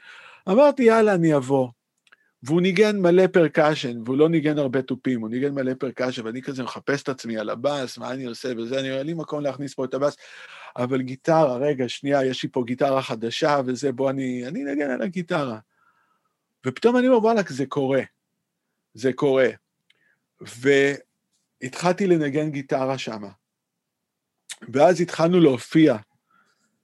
ואני הייתי רגיל להביא את הבאס להופעות. הראשונות, כי אני יודע שהקהל יבוא ויצפה שאני אנגן בס. וגם אני רגיל לנגן בס, כי אני רגיל שאם אני אעשה סולו בס, אז כאילו, אוקיי, אז אנשים, כאילו, זה יהיה סבבה. כן. ופתאום, נסעתי להופעה אחת, ובדרך, ממש ליד המועדון, אני פתאום אומר, הבאס, הבאס, שכחתי אותה בבית, כי כל כך הייתי כאילו עסוק עם הגיטרות ועם כל הציוד, את הנרתיק של הבאס שכחתי בבית. והיה לי רגע של פאניקה. רגע אחד היה לי של פאניקה. וואו! ודקה אחרי זה אמרתי, לא, אני אתמודד, אני לא אנגן בס. ומאותו זמן, חמש שנים לא ניגנתי בס. Yeah. חמש שנים, עכשיו אני מנגן בס המון, כי בגלל כל ה... ההופעות שאין, נהיה לי המון הופעות בתור מופע סולו, בס, כי אני יכול, לא רק בס, אבל בייחוד מופע סולו. אז אני הולך בחצרות של אנשים ומנגן בכל הארץ. Wow. חזק לנגן בס. חמש שנים לא ניגנתי. וואו. בס. לא נגעתי. רציתי לשכוח איך הטאץ' של לנגן בס. פעם בשנה הייתי מנגן איזה גיג על בס, נורא נהניתי, אבל בגדול זה מאוד הפריע לי לפתח משהו חדש על הגיטרה. Mm-hmm. כי היה לי טאץ' של בסיסט על הגיטרה, והבנתי שזה לא עוזר לי. אז רציתי ללמוד, להביא טאץ' אחר, שאני כן אצליח להביא משהו מתוך הידע הזה, אבל שהוא יהיה אחר. והייתי חייב לאבד לתקופה מסוימת את, ה, את, השריר, את השריר האוטומטי הזה, שמנגן בצורה מאוד מסוימת. אני, אני בסיסט שיכול לנגן די אגרסיבי, mm-hmm. ו, ועם היד הזאת על כל מקרה. ואז כשאני בא לגיטרה לנגן, זה לא אותו הדבר, אני פתאום צריך לנגן אחרת בשביל להוציא את הסאונד שאני רוצה. וזה המציא אותי מחדש לגמרי. כי פתאום להיות בהרכב שאני חבר בהרכב הזה, אני אפילו המוביל של ההרכב הזה, ולא לנגן בס, ולקחת קלידן, שיהיה הבסיסט, ואחר כך קלידנית, והם לא בסיסטים במקור, הם קלידנים, אבל הם יהיו הבסיסטים, ו, ו, ופשוט רק לנגן גיטרה ו, ולהתעסק רק בדבר הזה, ו, וללמוד איך, איך, איך, איך אה, להתחיל עוד פעם כמעט אפס, אה, את המצב שכאילו וואלכ אני ממש לא טוב בחצי שנה הראשונה, אנחנו מופיעים ומופיעים ומופיעים ואני כל, ה... כל הזמן מסתכל על הגיטרה כי אין לי, אני עוד לא יודע איפה אני, אני בשיטה, אני עוד לא יכול לשים את זה בשיטה עיוורת ואני חסר ביטחון בזה, אבל וואלכ אני עובר דרך זה בשביל, בשביל לגדול, אז, אה, ואחר כך זה אם לשיר. אז להמציא את עצמך מחדש זה משהו שאני הכי הכי מעריץ אצל אנשים אחרים, ואני ממש משתדל לעשות את זה כל כמה שנים, לא משנה כמה נוח היה בשנים שעברו, כי זה, ההתחדשות הזאת היא מחדשת את כל התאים בגוף, את כל התאים במוח, אה, ו, והיא גורמת לנו להיות הרבה יותר אה, איך אומרים, באנגלית זה alert. כל אה, החושים... דרוכים. דרוכים, בדיוק, כי אתה כאילו כל הזמן כזה, אתה קצת... אתה חי, אתה, אתה חי, הגוף שלך מתרגש. מתרגש, הוא לומד דברים חדשים, אה, אז זה, זה גם הגיע עם לבוש, אני גם כל כמה שנים, אני לא מדבר על הלבוש היומיומי, אבל על הלבוש לפחות בהופעות. כל כמה שנים אני כן מחליף את הלבוש בשביל שאני לא אהיה אותו אחד שהיה לפני עשר שנים. כן. אם זה הגיוני כזה קצת אה, הדבר הזה, אז, אה, אז זה משהו שכאילו כל הזמן לעבוד בזה, זה, זה דורש עבודה ודורש גם המון זמן במשך השנים. בן אדם שהוא בן 25 לא יכול להבין את זה, אבל כשאתה מגיע ל-50, אתה לגמרי יכול להבין את זה. ומה שהיה נכון לגיל 25 ו-30, לא משנה כמה אהבת את המוזיקה שאתה, זה היה נכון לאז. Mm-hmm. וברגע שאתה מגיע לגיל 40, זה לא תמיד נכון לנגן את אותו הדבר שניגנת אז, זה לא אומר שאתה לא תנגן את זה טוב, אתה תנגן את זה אפילו יותר טוב, אבל אתה לא מתחדש.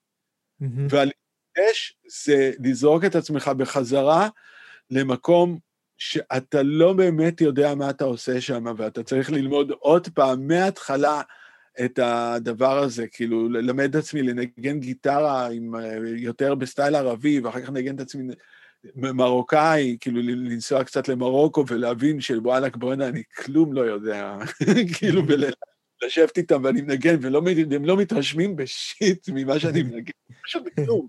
ואני כאילו, וואו, איך הם עושים את זה, וכאילו אני לומד ומקליט עם האייפון, ואחר כך אני הולך הביתה ואני שם את זה באוזניות, ואומר, וואו, בואנה, זה כולה שלוש צלילים, אבל איך הוא מנגן את השלוש צלילים האלה? איזה מדהים זה. זה כל פעם אני יכול לבוא לזה ממקום חדש, וזה נורא כיף שזה פתאום מתיישב, שזה פתאום מתיישב. כן. בהתחלה לא כיפית, ההתחלה היא לא כיפית, אבל באיזשהו שלב זה נהיה נורא כיף, ואני ממש חושב שזה מעולה לכולם, וקשה לי מאוד בדרך כלל עם אנשים שהם לא כאלה, שאני עובד איתם לאורך זמן. כי אנחנו כל הזמן גודלים וגודלים ומשתנים וזה וזה, ואם מישהו נשאר ואומר, אבל עשינו את זה אז ככה, אני לא רוצה לשנות את זה, אז כאילו... זה, אז זה נהיה לי קשה קצת. כן. אז קודם כל, כאילו, סיפרת פה סיפורים, וואו, מדהימים, שהייתי רוצה לשאול אותך כמה דברים. Uh, הדבר הראשון זה החוויה הזאת של, ה, של ההמצאה מחדש ושל ההתחדשות שאתה מדבר עליה. היא מדהימה, uh, אבל גם יש בה... למ, למה לא כולם עושים את זה? יש בה גם איזשהו פחד, נכון? הרבה וגם... יותר, הרבה יותר נוח הרי להישאר במוכר, אתה גם אומר, טוב, במיוחד במקצוע שלנו, הפירמידה היא מאוד צרה, עכשיו מה, אני אעזוב את כל מה שידעתי עד עכשיו, ויתחיל משהו מחדש, יש כבר הרבה אנשים שהם הרבה יותר טובים ממני, ויש בה את הפחד הזה, אז קודם כל, איך אתה, איך אתה ניגש אליו? וואו, אני... עניין של אישיות, זה עניין של אישיות, קודם כל, זה לא מתאים לכל אחד, זה ממש לא מתאים לכל אחד, אבל אני חושב שמי שיש לו כישרון למשהו, בוא נגיד, ואני אתן לך, זו דוגמה קלאסית, גיטריסטים של מטאל, mm-hmm. או של רוק כי מטאל אה, כל כמה שנים הופך להיות רוק כבד, מה שהיה מטאל לפני כמה שנים, היום הוא רק רוק כבד. כן.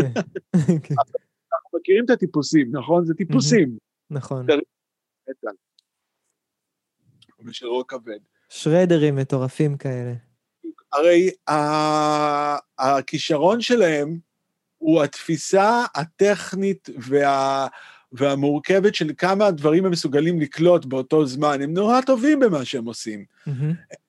קצב טוב, כי בשביל לדעת נגן את הריפים האלה אתה צריך שיהיה לך קצב טוב. אתה יכול לעשות, יש לך מהירויות על הצוואר, הכל מדהים, ואתה נתקע רק בלנגן fucking מטאל 20-30 שנה וכלום חוץ מזה? למה? אתה יכול לנצל את אותו מוח לנגן עוד הרבה מוזיקות אחרות.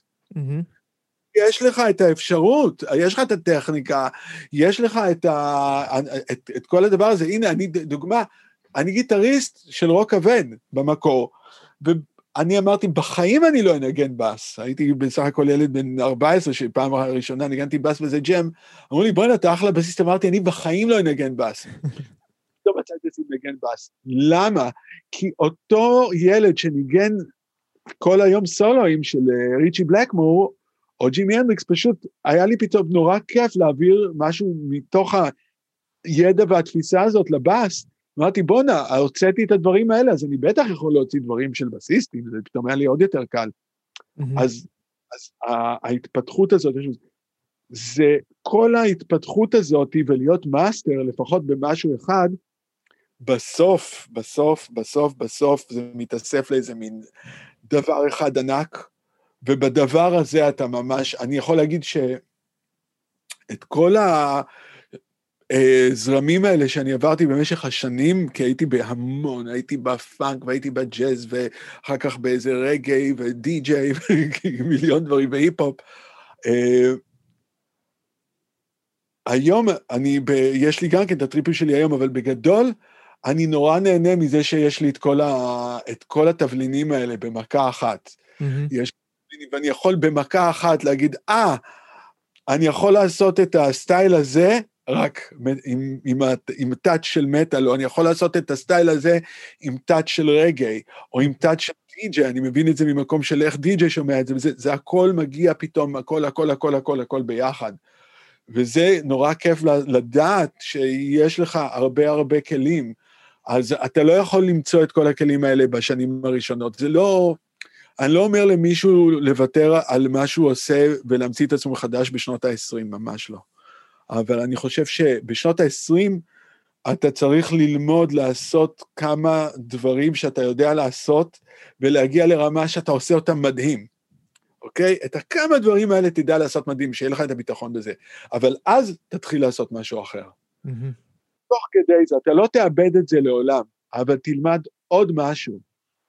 אני ואז... חושב גם שיכול להיות שאתה משתמש באנרציה הזאת של, ה... של ההתרגשות. אתה לוקח את עצמך עד הקצה עם משהו אחד, ואז כנראה שאתה מרגיש שכבר יורדת לך ההתרגשות, אתה צריך משהו שיפעיל אותך, אתה מסיט קצת למשהו אחר, וכמובן שהכל מתחבר בסופו של דבר. נכון, להידלק. להיות דלוק, כל הזמן להידלק על משהו חדש ופתאום להיות אובססיבי. כן, לגמרי. על, על משהו, ו... אז כן, זה באמת ה... להיתקע באיזשהו משהו מסוים, אני משתעמם באיזשהו שלב. לפעמים זה לטובה בחיים שלי, ולפעמים זה לא כזה לטובה בחיים שלי, אבל זה בלנס, בסוף זה איזשהו בלנס. אבל לדעת הרבה, הרבה במוזיקה, לדעת הרבה ז'אנרים והרבה סטיילים, אני חושב שרק עוזר לנו בסופו של דבר אה, להישאר מוזיקאים לאורך המון זמן. ולא מוזיקאים לקצת זמן. מוזיקאים שהם נורא טובים בדבר אחד, הם בדרך כלל מוזיקאים לזמן נורא קצר. הם רק בזמן שהדבר הזה הולך הם טובים, וברגע שהדבר הזה לא טוב, כאילו לא הולך באותו זמן, בוא נגיד גיטריסטים של בלוז. כל עוד שהבלוז הלך, כולם כאילו, וואו, בואנה, הוא גיטריסט, אה, אתה יודע, יכול להופיע במועדים. ברגע שהבלוז לא טוב, כאילו לא רוצים את זה, טאק, אין לו עבודה. רוק, רוק. רוק ב nineties, כן, פה בארץ, היה, וואלה, הכל, הכל היה רוק, רוק, רוק, רוק, כל, כולו מלא להקות רוק, ופתאום, 15 שנה לאחרי זה, אין, אין את זה. אה. נורא קצת. ואם אתה לא יודע איך להסתדר עם זה, אתה, אתה פתאום נהיה נורא כזה, וואו, של פעם כזה. כן, כן, לגמרי.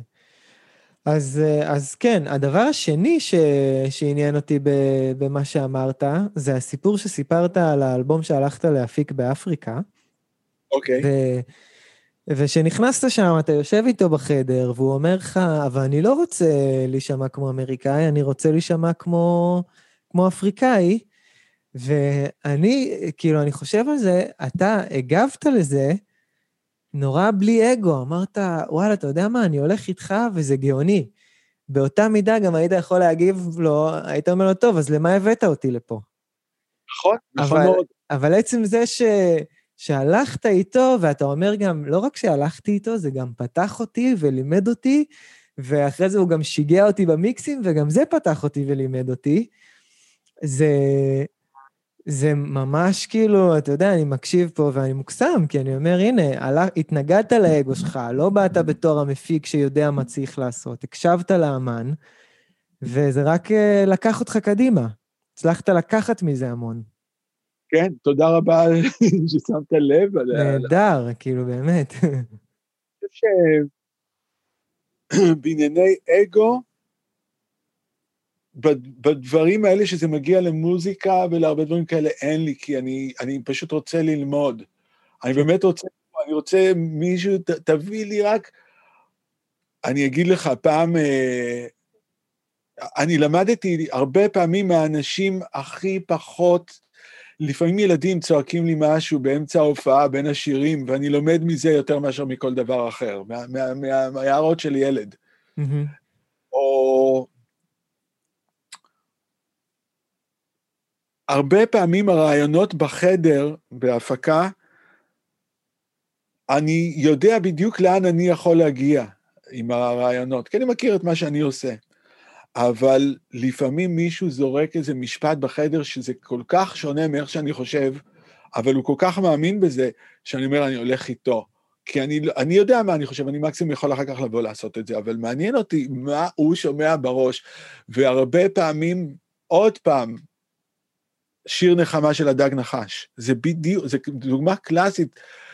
Uh, המתופף מאוד ידע מה הוא רוצה בשיר הזה מבח... בבתים. הוא לא רצה שיהיה גיטרות בשיר, והקלטנו גיטרות, היה גיטרות ואקורדים בשיר, בחלק שהם שרים ב... והוא אמר, לא, לא, זה צריך להיות לגמרי לגמרי בלי, והוא היה כל כך החלטי על הדבר הזה, והוא אף פעם לא התערב בהפקה של אף שיר. Mm-hmm. אמר, שנייה, הוא מדבר, אמרתי, כנס עכשיו אתה לאולפן, תשב עם הטכנאי, יש לך שש שעות עכשיו ואתה יכול לעשות את זה, שזה מוכן, תקרא. אף אחד לא יכול להיכנס לאולפן, אף אחד לא יכול להגיד לך מה לעשות, כולל אני. נכנסנו לאולפן אחרי שש שעות, אנחנו מקשיבים. הוא עשה דברים, בחיים אני לא הייתי חושב לעשות אותם. הוא, הוא ביטל את הגיטרות לגמרי, הוא ביטל פתאום את הבאס, הוא פתאום היה רק תופים בשירה ואיזה משהו כזה, וזה, ווואלאק, איזה מזל, איזה מזל. אתה מבין? כאילו, אז אני נורא אוהב, כאילו, אה, להקשיב לאנשים, כי רק אני ככה מרוויח, אני יודע מה אני יכול, עם מה אני, לאן אני יכול, אני יודע. אבל בן אדם אחר יכול להביא לך רעיונות מדהימים. ובסופו של דבר, היי, כתוב שאני הפקתי.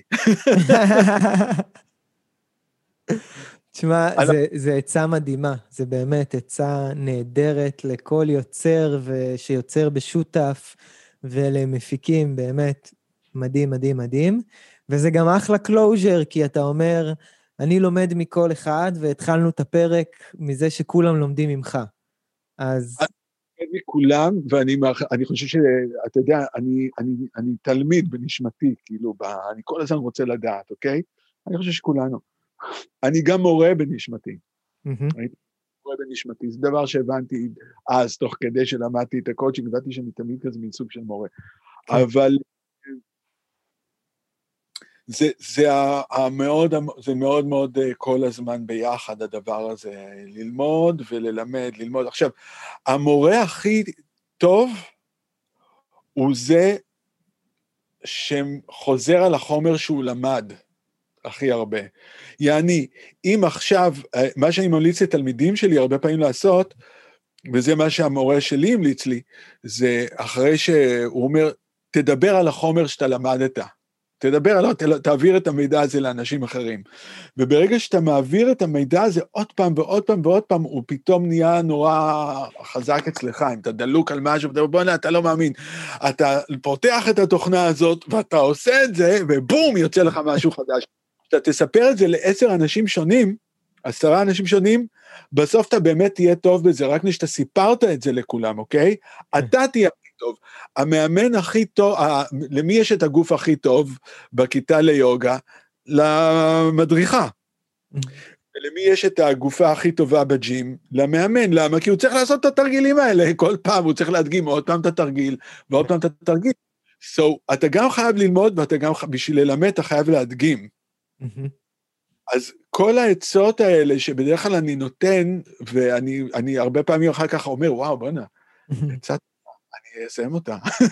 ואני, או, או, או אם אני מקשיב לאחרים, והם באים ואומרים לי משהו, אז אני כאילו ברגע אני ממש לוקח את זה, כי אני רק יכול ללמוד מהם. אני רק יכול ללמוד מהם. מדהים. באמת נהדר, יוסי. אה, וואו, מה אנחנו? אנחנו... אנחנו נראה לי יותר משעה וחצי. נתנו בראש. תודה רבה לך, באמת, היה פרק אדיר. אמ, באמת, כבוד גדול. כבוד גדול לארח אותך ולשמוע, וכל פעם מחדש זה כיף אה, לשבת ולשמוע על החוויות שלך והתובנות והניסיון. אז תודה. תודה רבה, וכיף, ויאללה, נתראה, אני מקווה, אתה יודע, קודם כל, באישי, בקרוב, בצורה זו או אחרת, ו-anytime, anytime. בהחלט, בהחלט. אני אשמח גם לעשות עוד אחד כזה מתישהו. תודה רבה לכל מי שהקשיב לנו. עסקי המוזיקה, אתם יכולים למצוא אותנו בכל אפליקציות הפודקאסטים, ספוטיפיי, גם ביוטיוב יש אותנו, בווידאו. אמ, תעשו לייק, subscribe, תעזרו לנו, תעזרו לי להפיץ את זה הלאה, כי זה המטרה של זה, רק לעזור לעוד מוזיקאים, אה, לקבל קצת יותר בהירות לגבי איך הם יכולים לקדם את עצמם ואת הקריירה שלהם מאנשים בעלי ניסיון. אה, וזהו, נתראה בפרק הבא. להתראות. ביי. ביי, יוסי.